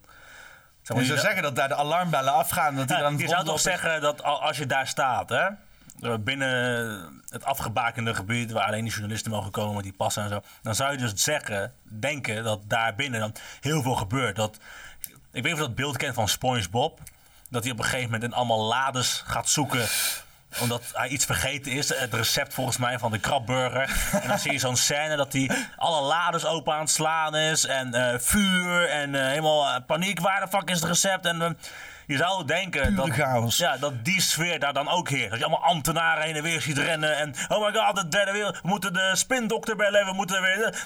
Op zijn Nee. minst voor het toneel, zeg Ja, maar. doodstil daar. Niks fuck? aan de hand. Ja. Maar dat, dat kan ik niet duidelijk maken aan mensen. Het stelt Dacht allemaal... als fuck is dat eigenlijk. Het stelt allemaal... Waarom ga je dat niet filmen? Dan moet je filmen gewoon het feit dat er niks gebeurt. Gewoon er vijf uur lang gaan staan, gewoon waar iets waar niks gebeurt, zo weet je wel. En wat ik, het grappige was, eh, eh, was dus laatst in de Tweede Kamer. Ik volg vaak die debatten en shit, weet je wel. Dan zit ik gewoon tien uur lang te streamen, als, een- als een fucking idioot. En dan eh, zit ik dan met zo'n klein, klein schermpje rechts onderin, zo weet je wel. Zit ik dan een beetje te zeiken over die mensen en alles en weet ik veel wat. En eh, ja, dan krijg je wel een hoop mee. Laatst zat ik ook weer iets te kijken en dan... En dan, en dan ja, je, hebt gewoon, ze zitten daar gewoon en dan gaan ze dan stemmen over, eh, over eh, of Thierry Baudet wel of niet ehm, eh, eh, eh, mag blijven of een week of niet niks mag zeggen. Het gaat over twee debat of zo. Heel poeha. Dus, maar ja, alle rechtspartijen, de, of in ieder geval de PVV en, en, en FVD, die gingen dus opstaan en die gingen weg. Hè? Want die, die wouden niet meedoen aan die stemming, want die vonden dat ondemocratisch. Dus nou, de voorzitter Vera Bergkamp die had even de ruimte voor gemaakt. Iedereen opstaan, weet je wel. Of zegt van, oh, we gaan nu even weg. Iedereen opstaan. Iedereen loopt de kamer uit. Nou, de hele rechtervak is leeg. Nou, dan gaan ze de stemming beginnen. Ondertussen zie je dus inderdaad Geert Wilders. Zie je in de corridor, zeg maar, van, van die gang daarachter naar de Tweede Kamer. Zie je hem daar staan. En een beetje zo poseren. Zo tegen de muur aan. Zo kijk zo. Zo'n vrouw erachter. Zo een beetje foto's maken. En Nou, wie- shit, wie- zei je? Dat was Geert Wilders, die stond daar. Geert Wilders stond een beetje daar zo, een beetje casual te wezen. Zo, terwijl er zeg maar, iemand achter zo'n foto stond te maken. Zo, zodat iedereen kon zien dat hij duidelijk eh, zich afzette tegen het feit dat deze stemming werd gehouden voor op de, op de foto's, zeg maar. Het, het is, het is, het is als we het hebben zeg maar, over zorgen maken over imago en eigenlijk alles wat het er niet toe doet, die politiek belichaamt dat, dat geheel gewoon op een of andere manier. Zie zie je dat daar ook of zo? Het, is alleen maar im- imago, ego's, inderdaad, eh, weet je wel, eh, jaloezie en van al- alle slechte dingen komen daar samen op een of andere manier. Of, Ja, ik zie die dingen niet. joh. Nee? Ik, ik zit daar, het is heel relaxed daar, joh. Het is echt, eh, ja. rustig boterhammetje te eten met z'n allen en zo. En, eh, ja, heb, je ze wel eens zien eten daar of zo? Want dat, dat, dat vraag ik me altijd af. Want dan gaan ze die kamer uit en dan gaan ze lunchen. En dan wat dan? Zitten ze dan met z'n allen in een kantine Nou, of je, zo? je, je hebt twee, Hebben elkaar net de, de huid volgescholden. Nee. Oh, dat is lekker boterham. Wat heb jij? je hebt, je hebt daar twee restaurants. Het ledenrestaurant, daar zitten alleen de kamerleden. Je kan alleen maar daar naar binnen op uitnodiging of zo. En je hebt een openbare bedrijfskantine, zeg maar. En daar zitten dan wel eens journalisten, zitten eens, eh, ook, ook kamerleden hoor, die af en toe daar dan eten in plaats van in het eh, normale ledenrestaurant of zo. Maar eh, ja, ik zie ze nooit echt lunchen.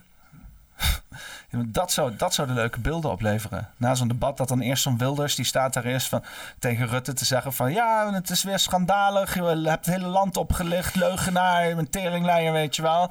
Of eh Thierry Baudet die iedereen sukkels noemt en shit. En dan zitten ze met z'n drieën daar te eten. In dezelfde kantine, weet je wel. Een broodje weg te werken en shit. Ja, dat soort dingen gebeuren waarschijnlijk dan in dat ledenrestaurant waar ik en alle journalisten niet kunnen komen.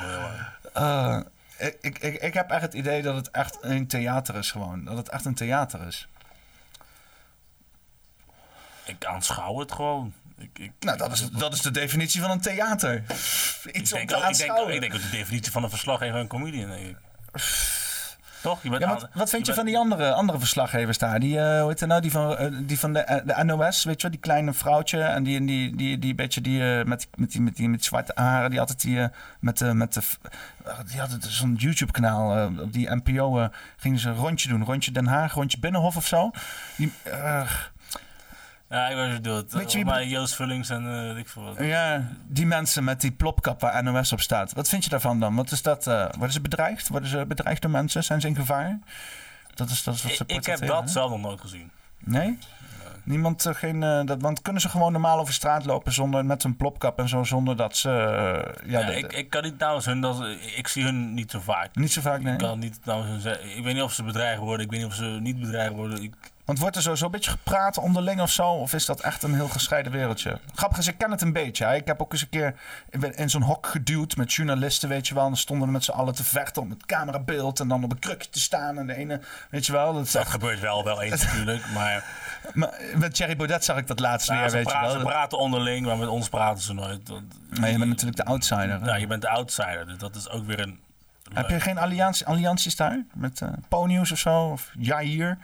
Nee, achter de schermen weet je, lach je wel eens met elkaar. eh, Met Po en met eh, Tom Staal, weet je, dus wel eens te- te lachen samen. Gewoon van, eh, hahaha, ha, ha, weet ik veel, om iets wat daar gebeurt. Of eh, leuk contact, weet je wel. Maar met de rest, echt nul. Nul contact. Hoeft ook niet. Is natuurlijk ook niet de bedoeling, daarom. Maar, dat, die- dat, dat, eh, maar, maar zie je, want het, het idee krijg je. Hè, en eh Huig Plug heeft volgens mij dat eh, idee eh, ook wel eens een keer een beetje zo weergegeven. Dat die, die Marlies, of zo, ik weet het niet hoe ze heet, die toen zwanger was en shit. Nee, maakt niet uit. Die, dat ze van plopkap aan het wisselen was. Dat zeg maar dat hele NPO, RTL gebeuren. Weet Ja, je heb wel, ik dat ook hele. een keer gefotografeerd. op een boerendemonstratie heb ik een keer gefotografeerd. Zag ik in één keer de RTL-plopkap en een NOS-plopkap in dezelfde hand van één verslaggever. Ja. Toen Ja. zeiden mensen van ja, maar je helpt elkaar wel eens en ze moesten dezelfde quote halen enzovoort. Dat klopt allemaal wel. Maar commercieel en publieke omroep, ja, als dat elkaar gaat helpen. En dat betekent dus ook dus dat ze dezelfde vragen hebben gesteld als, als bij elkaar. Snap je? Dus dan, dan is er dus geen. Dat hetzelfde in- rappo- reporter. Daar is geen kritiek meer aanwezig, denk ik. Nee, er is geen ander Ja. perspectief meer Ja, aanwezig. want het, het hele commentaar van dus inderdaad het publiek stijl eh, en het hun bestaansrecht is dat dus inderdaad eh, de commerciële omroepen bezaaid zijn met allerlei commerciële belangen. En dat hun daar geen last van hebben omdat zij ru- runnen op publiek geld. Maar als zij schijnbaar hun belangen helemaal op parallel hebben liggen, dan wat de fuck is nog het nut van een, van een publieke omroep op een of andere manier? Dat is Nee, dan dat, toch... dat, dat is dus behalve dat dan er nu ongehoord Nederland er is, maar... Ja, maar dat, tweette ik dus toen, eh, toen, toen ik dat zag. En nou, waren mensen van, ja, dat is normaal. En af en toe elkaar helpen. Soms kan die verslaggever van die andere zender niet. Maar het, het is gewoon raar. Het hoort gewoon strikt gescheiden te zijn. Eh, juist die twee, juist het publieke Juist, stijl hoort juist, het juist. commercieel stijl te bekritiseren. En het eh, commercieel stijl hoort het, eh, het, het publiek stijl te bekritiseren. Want publiek stijl is inherent natuurlijk ook een soort van staatspropaganda. Het wordt letterlijk gefinancierd door de, zij die het uitgeven, die ook de beslissingen maken. Dus eh, in, in zekere zin, want, want, want nou ja, eh, Ongehoord Nederland die heeft het voor elkaar gekregen, is fantastisch. Maar het ligt natuurlijk wel van alle kanten onder vuur de hele tijd. Toch? Er- Ervaar je dat ook? Of, of, of valt het ook allemaal wel mee? Is het ook allemaal natuurlijk mediaoorlog en bla bla bla? Ik hou me niet bezig met die shit. Nooit eens een keer met, eh met eh, heet hij nou ook weer, Karskens, eh hoe heet hij, eh, die eigenaar van... eh, Arnold. eh, Arnold, met Arnold eh, gepraat, zo van, hey man, Nee, Alles joh, hij, hij, eh? doet, eh, hij doet lekker de woordvoering, eh, zo ongehoord Nederland. Ik zit lekker in de Tweede Kamer. Ik bemoei me echt letterlijk nergens mee. ja, dat weet je niet. Ik, ik, ik, ik, check het nieuws ook niet, joh. Ja, ik check het nieuws wat relevant is voor mij. Zit hier een beetje nieuws te maken, zelf helemaal Nee, niks maar- van door. Nee, een beetje nieuws te kijken van oké, oké, weet je wel. Nou, de redactie die mij wat vertelt, eh, klaar. Ik, ik hou me niet bezig met al die, die bullshit. Weet je, daar waren we weer uitgemaakt voor racisme. Ja, het, zal- het zal wel, joh. Ja. Ik, ik, ik, weet je, ik ben fucking bruin. Weet je, wat, hoe kun je mij een racist noemen? Weet je wel? En hebben, hebben ze dat gedaan? Ja, hebben ze jou, eh, ja natuurlijk. Bij, bij Chris doen ze het ook. eh, Proberen ze natuurlijk ook allemaal eh, onder die kaart te spelen, of niet? Dat vind ik wel raar hoor in Nederland. Dat je als comedian niet, als zwarte comedian, niet het woord neger kan zeggen. Als comedian zelfs, hè? Als comedian het woord neger niet, niet mogen zeggen. Ja, Ja, in comedy, hè? En dat je als neger in de normale wereld dan geen neger zegt of zo. Ik snap dat daar scheve reacties op komen. Dan nog vind ik dat je het moet kunnen zeggen. Maar alleen op podium. Dat een soort cultuur als je dat soort dingen niet kan zeggen. Ja, sorry, dan ben je bij mij aan het verkeerde adres hoor. Op podium moet je alles kunnen zeggen. Maar is dat, want ik heb bijvoorbeeld laatst nog de comedy special van Cat Williams zitten kijken. Hè, en daar wordt constant gezegd. En dat is een verse comedy special is dat. Dat vind ik dus ook raar. In Amerika kunnen al die negers, eh, ja, negers, niggers, kunnen zeggen nigger. Kunnen gewoon nigger zeggen. Donkere mensen kunnen gewoon nigger zeggen. Maar als je als donkere persoon dat zelf zegt in Nederland, dan ben je opeens... Dus, en het woord neger stamt ook niet af van het woord nigger, hè? Dat is ook een vergissing. Het is een totaal andere historische context wat die twee woorden Dat meen je, wat, dat weet ik niet. Wat dan? Nou, Ik dacht dat de ene een verbastering was van de andere, zeg maar. Nee, als het goed is, is neger komt vanuit het Spaans negro. En dat betekent gewoon zwart. Ja. En bij nigger, dat heeft echt een historische context met het slavernijverleden enzovoort. Dus er zijn ook totaal andere historische contexten. Maar dat komt toch ook van hetzelfde Negros af gewoon? Volgens mij niet. Het heeft een andere historische context. En dat verwarren ze dus volgens mij met elkaar. En Er komen weer gradaties wat dan erger is nee, of niet. dan, willen ze dus dat Amerikaanse dan ook in Nederland brengen. Weet je wel, van oh, eh, neger is dan nigger en dat mag je dus ook niet meer zeggen. Alleen, als je dan toch zo gelooft hè, dat het hetzelfde is... Waarom mogen negers niet zelf neger zeggen dan? Want in Amerika mogen ze de niggers wel zelf nigger zeggen. Dus Ja, dus het selectieve, zeg maar, van eh, Ja. overnemen van bepaalde culturen. ja. dat is ook raar, toch? Ja.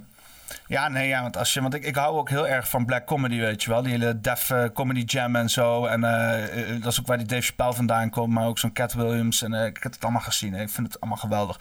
Ja, joh, dat is, dat is, de, is de ene, het is de ene negen naar de andere negen. Gewoon de hele tijd gewoon zitten ze zo te refereren naar elkaar. Naar ons waarschijnlijk ook. naar iedereen, weet je wel. Het is Er gewoon een twee, soort van... twee, twee volken die het grappig zijn. Dat zijn zwarte mensen en Joodse mensen. Nou ja, gelukkig ben ik allebei. hè? Ja, daarom. Eh, weet je wel. Soms ben je ook gewoon in de minderheid als blank, godverdomme. Nee, ja, ja Ja, het is worden aardig overgenomen. wie, wie blanke mensen. Welke mensen worden aardig overgenomen, joh? Ja, ja, Ze worden... Wat was het woord ook alweer? gekoloniseerd. Nee.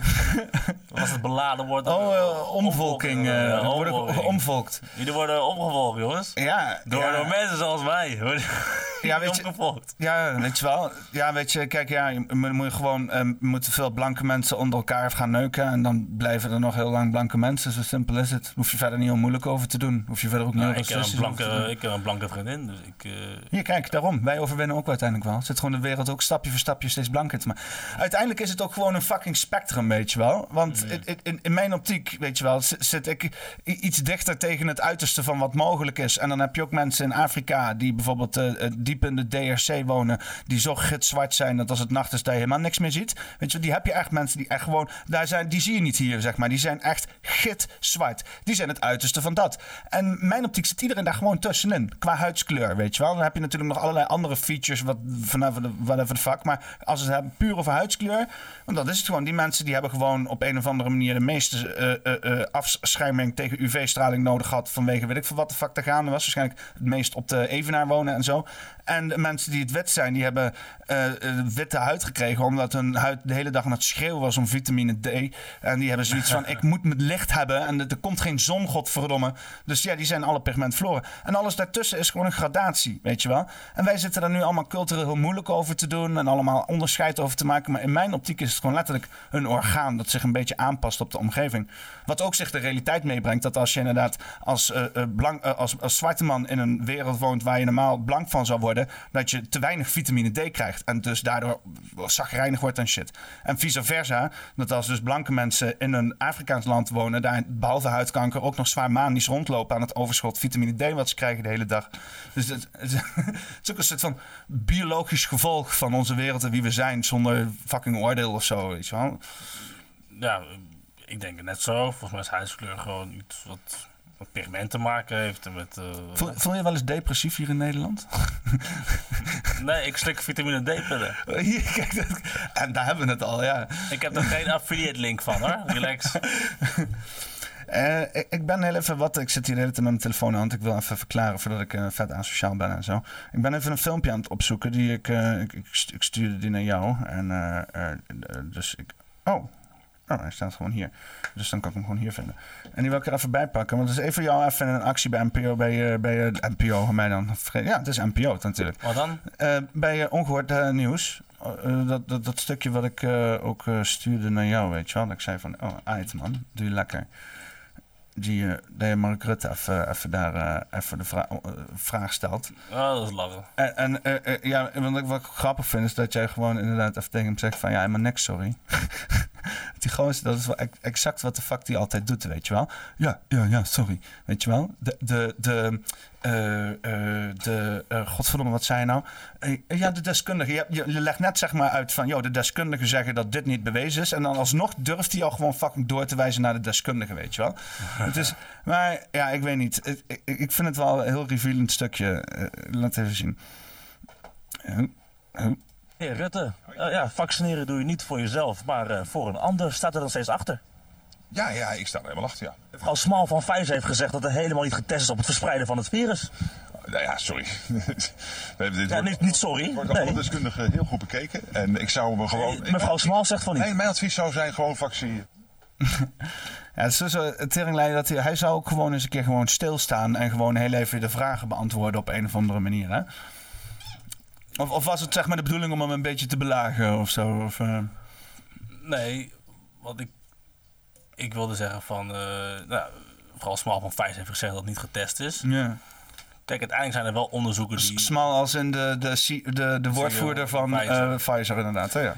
Maar uiteindelijk is het ook zo dat volgens mij later er wel bewijzen zijn dat, het, dat mensen die gevaccineerd zijn inderdaad minder verspreiden of zo. de- later. Maar het gaat natuurlijk om dat. Ja, want dan gaat Pfizer, dat- dat- Pfizer heeft dat nooit op getest, dus hoe kon je dat toen zeggen? dat- Het gaat erom dat je twee jaar lang hebt gelogen. Daar gaat het over. Het gaat om dit stukje dat Rob Roos inderdaad eh, eh, vorige week was, eh, ehm, eh, had een, eh, een, een, een voor gehad met Pfizer. En die eh Rob Roos van Ja 21 notenbenen, die, die afgesplitst zijn van de FVD omdat ze te- niet tegen het eh, vaccinatieretoriek waren van Thierry Baudet. Maar die eh, Rob Roos van Ja 21 in de, in de Europarlement, die had dus inderdaad de vragen gesteld aan Pfizer. In een COVID-hoorzitting geeft een Pfizer-directeur zojuist aan mij toe. Het vaccin was ten tijde van de introductie nooit getest op het voorkomen van de verspreiding van het virus. Daarmee valt de hele basis onder het coronapaspoort weg. Het coronapaspoort dat tot enorme vaccinatiedwang en institutionele discriminatie leidde. Waardoor miljoenen mensen buiten de samenleving werden geplaatst. Ik vind dat schokkend. Nee, ik vind het zelfs crimineel. Bekijk het filmpje alsjeblieft tot het einde. Voor u, mevrouw Small, heb ik de volgende vraag waar ik een duidelijk antwoord op wil. And I will speak in English so there are no misunderstandings. Was the Pfizer COVID vaccine tested on stopping the transmission of the virus before it entered the market? If not, please say it clearly. If yes, are you willing to share the data with this committee? And I really want a straight answer, yes or no, and I'm looking forward to it. Thank you very much. Um, regarding the question around, um, did we know about stopping humanisation before um, it's entered the market? No. Uh, these, um, you know, we had to really move at the speed of science. We had to move at the speed of science. Ja, Eh, maar dus, heeft ook nog mooie memes opgeleverd. er zijn ook mensen die dan kritiek hadden op die vraag die ik stelde.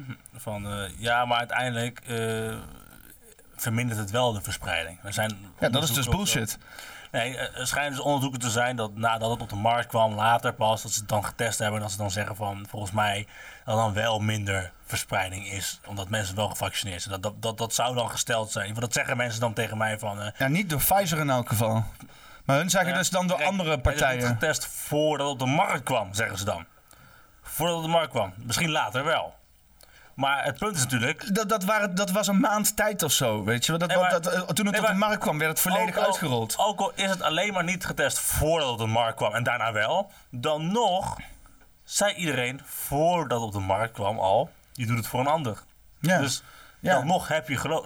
Dus die kon er niet onderuit komen. Daarom, daarom liep het ook zo snel door. Ja. Nee, ja, inderdaad, ja, voordat het op de markt kwam. Maar ook na, maar, want ze zeggen ook van ja, nadat het op de markt kwam. Maar er zijn verschillende onderzoeken geweest. Er zijn, ook, er zijn allerlei onderzoeken geweest. Allerlei. Maar Eh, en er zijn ook onderzoeken geweest waar dus aantoonde duidelijk dat het niet werkte, weet je wel. Dus je Nee, moet inderdaad die onderzoeken allemaal... Maar wat je dus daarvoor nodig hebt, is inderdaad een flinke bak tijd om al die onderzoeken af te wegen. En ondertussen zitten deze motherfuckers gewoon vaccins te pushen en aannames te doen op dingen die hun uitkomen, weet je wel. Ja, maar daar, daar ging die vraag dus over. ja, nou, maar het is fantastisch, weet je. Want dat zijn de stukjes items die je nodig hebt, weet je. Want dan kan je precies zien dat die motherfuckers helemaal vol met gebakken lucht zitten. Niet nu, maar gewoon al fucking twee jaar lang, weet je wel. Die lopen gewoon dingen zo uit de lucht te plukken. Ja, nee, nee, nee, nee, ja, blijf maar binnen met z'n allen. Dat is gezonder, weet je wel. Het slaat helemaal nergens op. Het, Dat zijn jouw woorden. hoe kijk, kijk jij daar tegenop? Dus denk, denk je dat ze wel de goede beslissing hebben gemaakt daar richting de pandemie? Of, eh? Nou, ik zeg, ze hebben het best met ons voor. Ja, echt? Geen idee, joh. Ik heb geen idee. Ik want dan weten ze het goed te kan- verbergen, kan zeg maar. niet- Dat is- Ik kan niet in hun hoofd kijken, maar... Weet je? Het zijn, het zijn lastige... Het is zo lastig, zeg maar. Ja. Ik probeer alleen maar eh, de vragen te stellen die andere mensen niet stellen. En dan kom je al een heel stuk verder je- mee. eh. Dan hoop je dat het... eh, ja, dat mensen dat zien en denken van... Nou ja, klopt dit of klopt dit niet? Want, want heb jij politieke affiliaties of zo, of voorkeuren of dingen dat je denkt van, nou, dat zou ik wel doen, of eh op stemmen? Nee. Of... Ik ben echt... eh comedians zijn narren en die, die, die, die stemmen eigenlijk niet op partijen hoor. Ik heb het vroeger wel gedaan, maar ik, ik stem niet... eh, Ja, eigenlijk is dat de beste, beste politiek verslaggever. Iemand die er helemaal niks mee heeft gewoon. Ja, maar dat bestaat ook niet. Hè? Zogenaamde verslaggevers die dan geen voorkeur hebben. Dat bestaat ook allemaal niet. Ja, Iedereen heeft een voorkeur. Bestaat- objecti- objectieve journalistiek bestaat niet. nee. Iedereen Nee, is gekleurd op een bepaalde wijze. Dus. Ja. Denk, denk je dat dat, eh, wil je, dat, wil je daar nog iets mee doen met de journalistiek? Of is het nu gewoon even eh, dat je denkt van, eh? Leuk. Nee, want, ik, want, doe er, ik doe er al iets mee. En want het is wel de missie toch van jouw, of van jouw grootva grootvader. overgrootvader. zeg maar. Ja. dat wel, ja. Maar ja, dat, dat stuk comedian, dat wil ik ook. ja, dat ben ik eigenlijk, eigenlijk. Ik ben allebei tegelijkertijd. Overdag eh verslaggever en s'avonds eh. Overdag. Overdag. Ja, mm. ja lachen man. Ja, nou ja, eh, ik, ik, ik, wens, ik wens Hart van Humor niks anders dan gewoon zware succes voor toe. Want ik vind, sowieso dat, want ik vind het sowieso beter dat gewoon meer comedy komt in Nederland. Gewoon comedy in het algemeen. Ook veel stand-up gewoon. Ja. Maar gaan jullie dan ook, doen jullie een tour of zo of iets? Of eh, zijn jullie nog aan het komen? Ja, de in, shows die we nu. komen ook in eh, Arnhem en zo? eh? Als iemand denkt van, hé, hey, ik wil deze gasten boeken, nou, boek ons. We komen overal heen. En ja, mijn show die ik opneem 17 november, dat is, Dat is de show die, waar het over moet gaan, denk ik. Waar was het toch weer?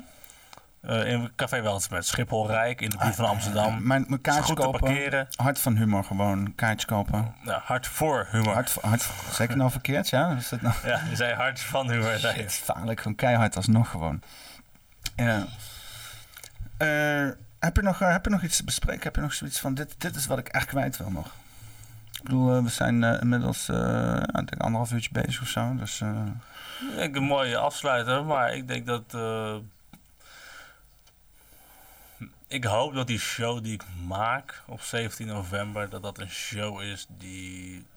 waarvan mensen zullen zeggen van. Oké, dit is echt. Het hoeft niet de beste show te zijn qua van. Oh, ik heb het meest gelachen ooit. Of, de, of, de, of een show die alleen maar leuk is. Het wordt een show te zijn die echt is. Dat de persoon die daar staat, dus ik dus, dat ik daar echt daadwerkelijk mezelf ben. En met zelfspot en alles komt voorbij. Spiritualiteit, ongehoord, mijn eigen jeugd enzovoort. En allemaal wel in één, ja, in één verhaal eigenlijk. En dat, en het verhaal is eigenlijk dat... Ik wil dat noemen de nieuwe wereld, mijn show. ja. Maar ik was bang dat er te veel John Luca fans in de zaal zouden komen te zitten. ja, of ik krijg allemaal eh, Ad Broer fans en zo. eh, of nee, hoe heet hij nou ook weer? eh, Ad, eh, ja, die van De Nieuwe Wereld, die YouTube-kanaal. eh. Ja, oh ja, die, oh ja dat YouTube-kanaal, Ja. de nieuwe wereld. ja, Ja, dan krijg je allemaal van die mensen die... die filosofen en zo. Wetenschappers. ja, Intellectuelen. intellectueel, maar ook van die mensen die dan... Die niks grofs willen horen, weet je wel. Oh, ja, ja, Niks- ja. Een beetje eh, eh, tere zielen en zo. Ja, blijf genuanceerd en bla bla bla. Je kan niet even... wil mensen hebben die, die, die dat Pim Fortuyn idee en dat Theo van Gogh idee een beetje aanhangen. Dat, dat soort mensen wil ik de zaal in hebben. Ik, ik, had, ik had een, eh, een, een, een com- Ik vind het leuk om dat, nu, dat je dat nu dan zegt. Dan wil ik dat ook heel even erbij pakken eigenlijk. Eh, ik, ik maak eh, filmpjes. dat noem ik Paffie met Poppenkast. Dat is een beetje een soort van spoof op Bakkie met Bergsma. En er kwam dan een reactie naar boven. En waarschijnlijk vanuit een christelijk perspectief allemaal. Even kijken of ik die kan vinden. Eh, oh ja, hier. Eh, zou, je niet wat, ehm, eh, zou je niet meer willen vloeken? Dat doet mij echt zeer. Ja. Ja, ik, ik heb daar toen op gereageerd. Dan zou ik een ander kanaal zoeken als ik jou was. En ze zei van, ah, het is een serieuze vraag. Ik vind het leuk om te luisteren en ik waardeer iedereen die zich uitspreekt. Maar het zou mooi zijn als je daar wat aan zou willen denken. Weet je wel? En- Nou ja, ik heb wel een leuke radio die ze kunnen luisteren. Radio Isa. Wat is het? Radio Isa? Dat is van Isa Kriens, die heeft een eigen podcastje of zo. Radio Isa. Die is kuis als fuck. Ja, die heel, hele zachte stem, staat heel dicht bij de microfoon. en dan eh, prachtig, helemaal zo. Hallo, ik ben Isa, ik ben erg kuis. Welkom. Maar iedereen mag zeggen wat hij vindt. Maar je moet wel een beetje kuis blijven. Ja, en samen verbinding. Koop mijn zelf nadenken met... Koop een ei die je in je vagina kan steken, zodat je die trainingen kan doen tijdens je yoga-oefening. Ja, dat soort dingen krijg je dat wel. Ja, ik, ik, had gezegd, eh, mijn content is wat het is, omdat ik ben wie ik ben. Het een zorgt voor het ander. Eh, ik spreek mij vrij uit zonder filter en dat is eh, met taalgebruik inbegrepen. Ik, zeg, ik ga mijn werkwijze niet aanpassen ten gunste van jouw emoties. Dit is niet de NPO. ik vind mezelf altijd erg grappig. Dat is een beetje... Volgens mij, wel het begin volgens mij van humor en comedy zijn is op zijn minst jezelf grappig vinden. Want als jij, als mensen om jou lachen terwijl jij jezelf niet grappig vindt, volgens mij word je dan gewoon keihard uitgelachen, toch?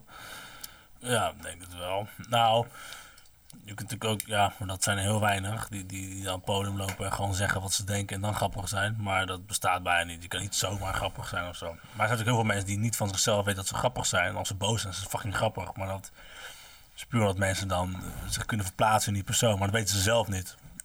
En ja, een comedian is toch... Ja, je moet wel weten wat je gaat vertellen en wat grappig is. Hij moet in ieder geval weten dat je grappig bent. Dat begint het wel mee.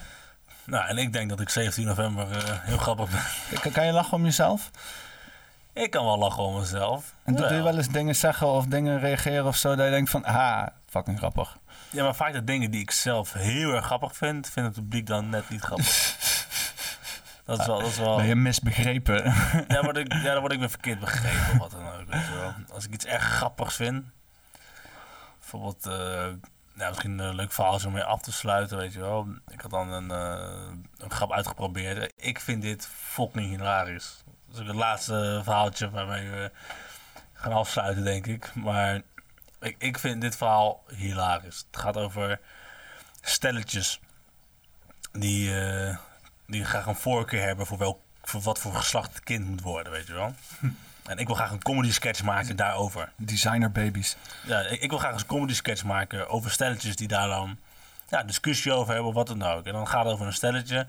En nou, die man wil een jongetje en die vrouw die wil een meisje. En nou ja, uiteindelijk, hè, natuurlijk willen ze dat het gezond is enzovoort. Maar in ieder geval, voorkeur is gewoon een mannetje, eh, een jongetje voor, voor die man en een vrouwtje, een meisje voor die, voor, die, voor die vrouw. Wat gebeurt er? Wat denk je dat er gebeurt? Ze krijgen een tweeling. Hm. Nou, perfect. Oké, tweeling, jongetje en een meisje. Nou. Op de- dag van de bevalling. Ja, eh, nou, die vrouw is helemaal aan het persen enzovoort. Dus die is helemaal niet echt eh, bij zinnen, weet je wel. En die man staat er gewoon bij en die dokter erbij. En op een gegeven moment eh, ja, is ze aan het persen. En die dokter die zegt van... meneer, ik heb slecht nieuws. Ja, het is een tweeling en één van de twee gaat het niet redden. Eh, het jongetje gaat het niet redden. En het meisje gaat het wel redden. Dus die man zo van, eh, weet je, oh fuck. ja, oké, weet je, gaan we naar binnen en red het maar. Dus die dokter gaat, die kut in, weet je wel. en op een gegeven moment komt hij terug. Sorry, ik heb, ik heb me vergist. Het is het jongetje, eh, het is het eh, meisje wat het gaat redden en het jongetje niet. En die man geeft hem 200 euro en zegt, maak het meisje ook maar dood. ja, ja, maar nie- niemand in de zaal lacht. Nee, ja. Want iedereen vindt het te luguber. en, eh, weet je, ik vind dat, ik vind dat, dat, dat het schrijnende verhaal. Ik lach om de, de, de, de, de Het is donker humor, ja. het, dark humor. Ken je Anthony Jeselnik? Ja, die ken ik. Ja, Ja. Dead baby jokes, zeg maar. Dat is Ja. zijn business op, op een of andere manier. Ja, maar dat, dat, ik moet meer specials van. Ik heb er van maar eentje gekeken. Maar heel lang geleden. Ik, ja, ik de eerste zijn het beste, zeg maar. Hij wordt er niet beter op, zeg maar. Maar, maar, maar dat, dat is echt, dus- ik kan dat ook waarderen, weet je. Dat is gewoon echt voor de fucking comedy, weet je wel. Ja, dat, is, dat is hard voor humor. Ja. Lekker, man. En wat, eh wat eh wil je als titel doen? Titel? Ja, als titel. Dat is hard voor humor? Nee, dat is het. eh, oh, titel voor mijn show. eh, Nee, voor deze show, voor deze, voor deze podcast. voor deze Dat podcast. doe ik altijd aan het eind, verzin ik de titel met... eh met Ik zou met- zeggen, ja. eh. Jonathan Crispijn. eh Ja, dat is geïncludeerd al. Dat, dat komt al goed. Nog, iets, nog, iets, nog iets leuks, verwijzend naar wat de fuck we allemaal hebben over Praag gepraat, weet je wel. Gewoon, doe even ons gesprek van eh, anderhalf jaar ver- ver- in- samenvatten in twee woorden of zo. Ik van Jonathan Crispijn eh, over de. ja. over de nieuwe wereld, denk ik dan. Weet ik veel. De nieuwe wereld, ja? Ja, de nieuwe wereld. We hebben het al gehad over de nieuwe wereld. We hebben het gehad over nou, jou- jouw theorie over die reptielen shit. We hebben het gehad over de spiritualiteitsgedoe. we hebben het gehad over nou, nieuw comedy collectief. Ja, kan. Eh, ja, mijn show natuurlijk. En ja, voor de mensen die dan... eh, zet je ook de link er neer in, de description? Ja, ja, ja, wat je wil. Ik stuur alles maar wat je... Ik zet En alles als in de comment beschrijving. vastpinnen, zodat iedereen weet waar ze die fucking show kunnen... Koop je kaartjes in de beschrijving. Ja, er zijn nu 71 kaarten verkocht van de 115. Maar ja, waarschijnlijk... eh, en de andere is al 115 van 115. En als het goed is, ik denk nog twee weken, dan is het uitverkocht. Want we hebben de nieuwsbrief bij Weltsmerch, die gaat als een tierenlier. Als de nieuws, maar, elke week komen er 20 bij, dus je moet er wel snel bij zijn. Of kost je En dat, dat is geen slappe... Ik ben, een Nederlander met een heel ja. blanke huid, dus ik wil weten wat de prijs is. Oh, de prijzen. Nou, Ik heb letterlijk de prijzen. hè. Hoeveel, hoeveel kost de energie van mensen voor deze Hoeveel show? kost nou, dat is toch wel leuk om te vermelden. Want ik praat over de nieuwe wereld. En ik heb kritiek op die Jorn. Maar bij mijn show heb ik letterlijk eh, de normale de voorverkoop in een nieuwsbrief. Voor de mensen die dus al in de nieuwsbrief zitten. Daarvoor heb ik eh, de kaartjes 5 euro gedaan. Zeg maar zo'n voorverkoop is dat. Hè? Oh, bam, ja. En bij de mensen die, eh, eh, zeg maar, early birds, dat is 15 euro. En dan heb je de, de normale prijs eigenlijk, dat is 20 euro. Is het nu nog early bird? En? Of? Eh, nu is de early bird net uitverkocht. Ah. Ja, ja. Dokke, motherfucker. Maar ik heb ook kaartjes eh, beschikbaar gesteld voor mensen met minder budget. En dat is 2,50. Oh, oh. En hoe, eh, oké. Die is ook, die is moet ook je, uitverkocht. Allemaal oude sloebers in de Oké, dus al jullie chique, chique podcasters kunnen alleen nog maar een kaartje 20 euro. Maar ik, ik betaalde voor Hans Theo betaalde ik 33 euro. Ja. Dus, eh, en dan word je weggestopt in een of andere ziek grote hal. Nou, nou dan zien we Hans Theo anderhalf uur. Maar het is wel massaal. Die shit is massaal. Ja, heel massaal. En dat vind ik wel weer de kunst van Hart voor Humor. Ik denk als wij later, eh, want daar geloof ik in, dat wij misschien wel de Ziggo Dome kunnen vullen ooit. Ik denk dat we Dat is dan- ook massaal dan weer. Hè? Ja, ik denk dat we ervoor kiezen om de Ziggo Dome niet te vullen. Maar dat we juist ervoor kiezen om, weet ik veel, eh, 40 shows te geven in een zaal van 120 man. Ja, ja, lekker, Ik man. hou van die kleinschaligheid. Dus dat, dat, dat, dat is mijn wens wel hoor. Ja, want er- is iets aan dat massale wat het echt persoonlijk er gewoon uithaalt. Nee, ja. Jawel, ik kan hem zo afronden. Kijk maar, dit was Poppenkast Wat, nummer wat, wat, 90. wat, wat, wil je zeggen? wat wil je zeggen? Nee, ja, er is iets aan dat massale wat gewoon het onpersoonlijke eruit haalt, weet je wel. Want ik, ik zag aan de ene kant die hele, ook the Spirit van Johan Loeken. Dat ik dacht van, nou, het is mooi om zoveel mensen te zien. In ieder geval een soort van met iets anders bezig te zijn dan de NOS de hele dag.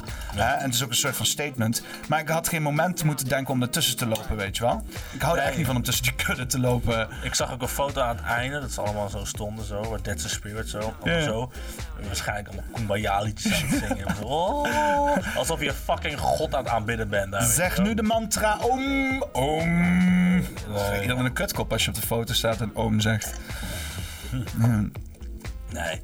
Nee, ik, Maar ja. mij lijkt het ook niks. eh. Ja, maar ik ben, eh, ik, ik, ik, eh, ik, ik ga wel, eh, ik ga gewoon een kaartje voor 20 euro kopen. Ik ga er ook bij zijn. Wanneer was het ook alweer? 17 eh, november. 17 november. 8 uur start, half 8 inloop. Over een maandje is dat. Op een donderdag. Op een Eh, donderdag, ja. Ja, nou, prima. Ik zeg gewoon doen.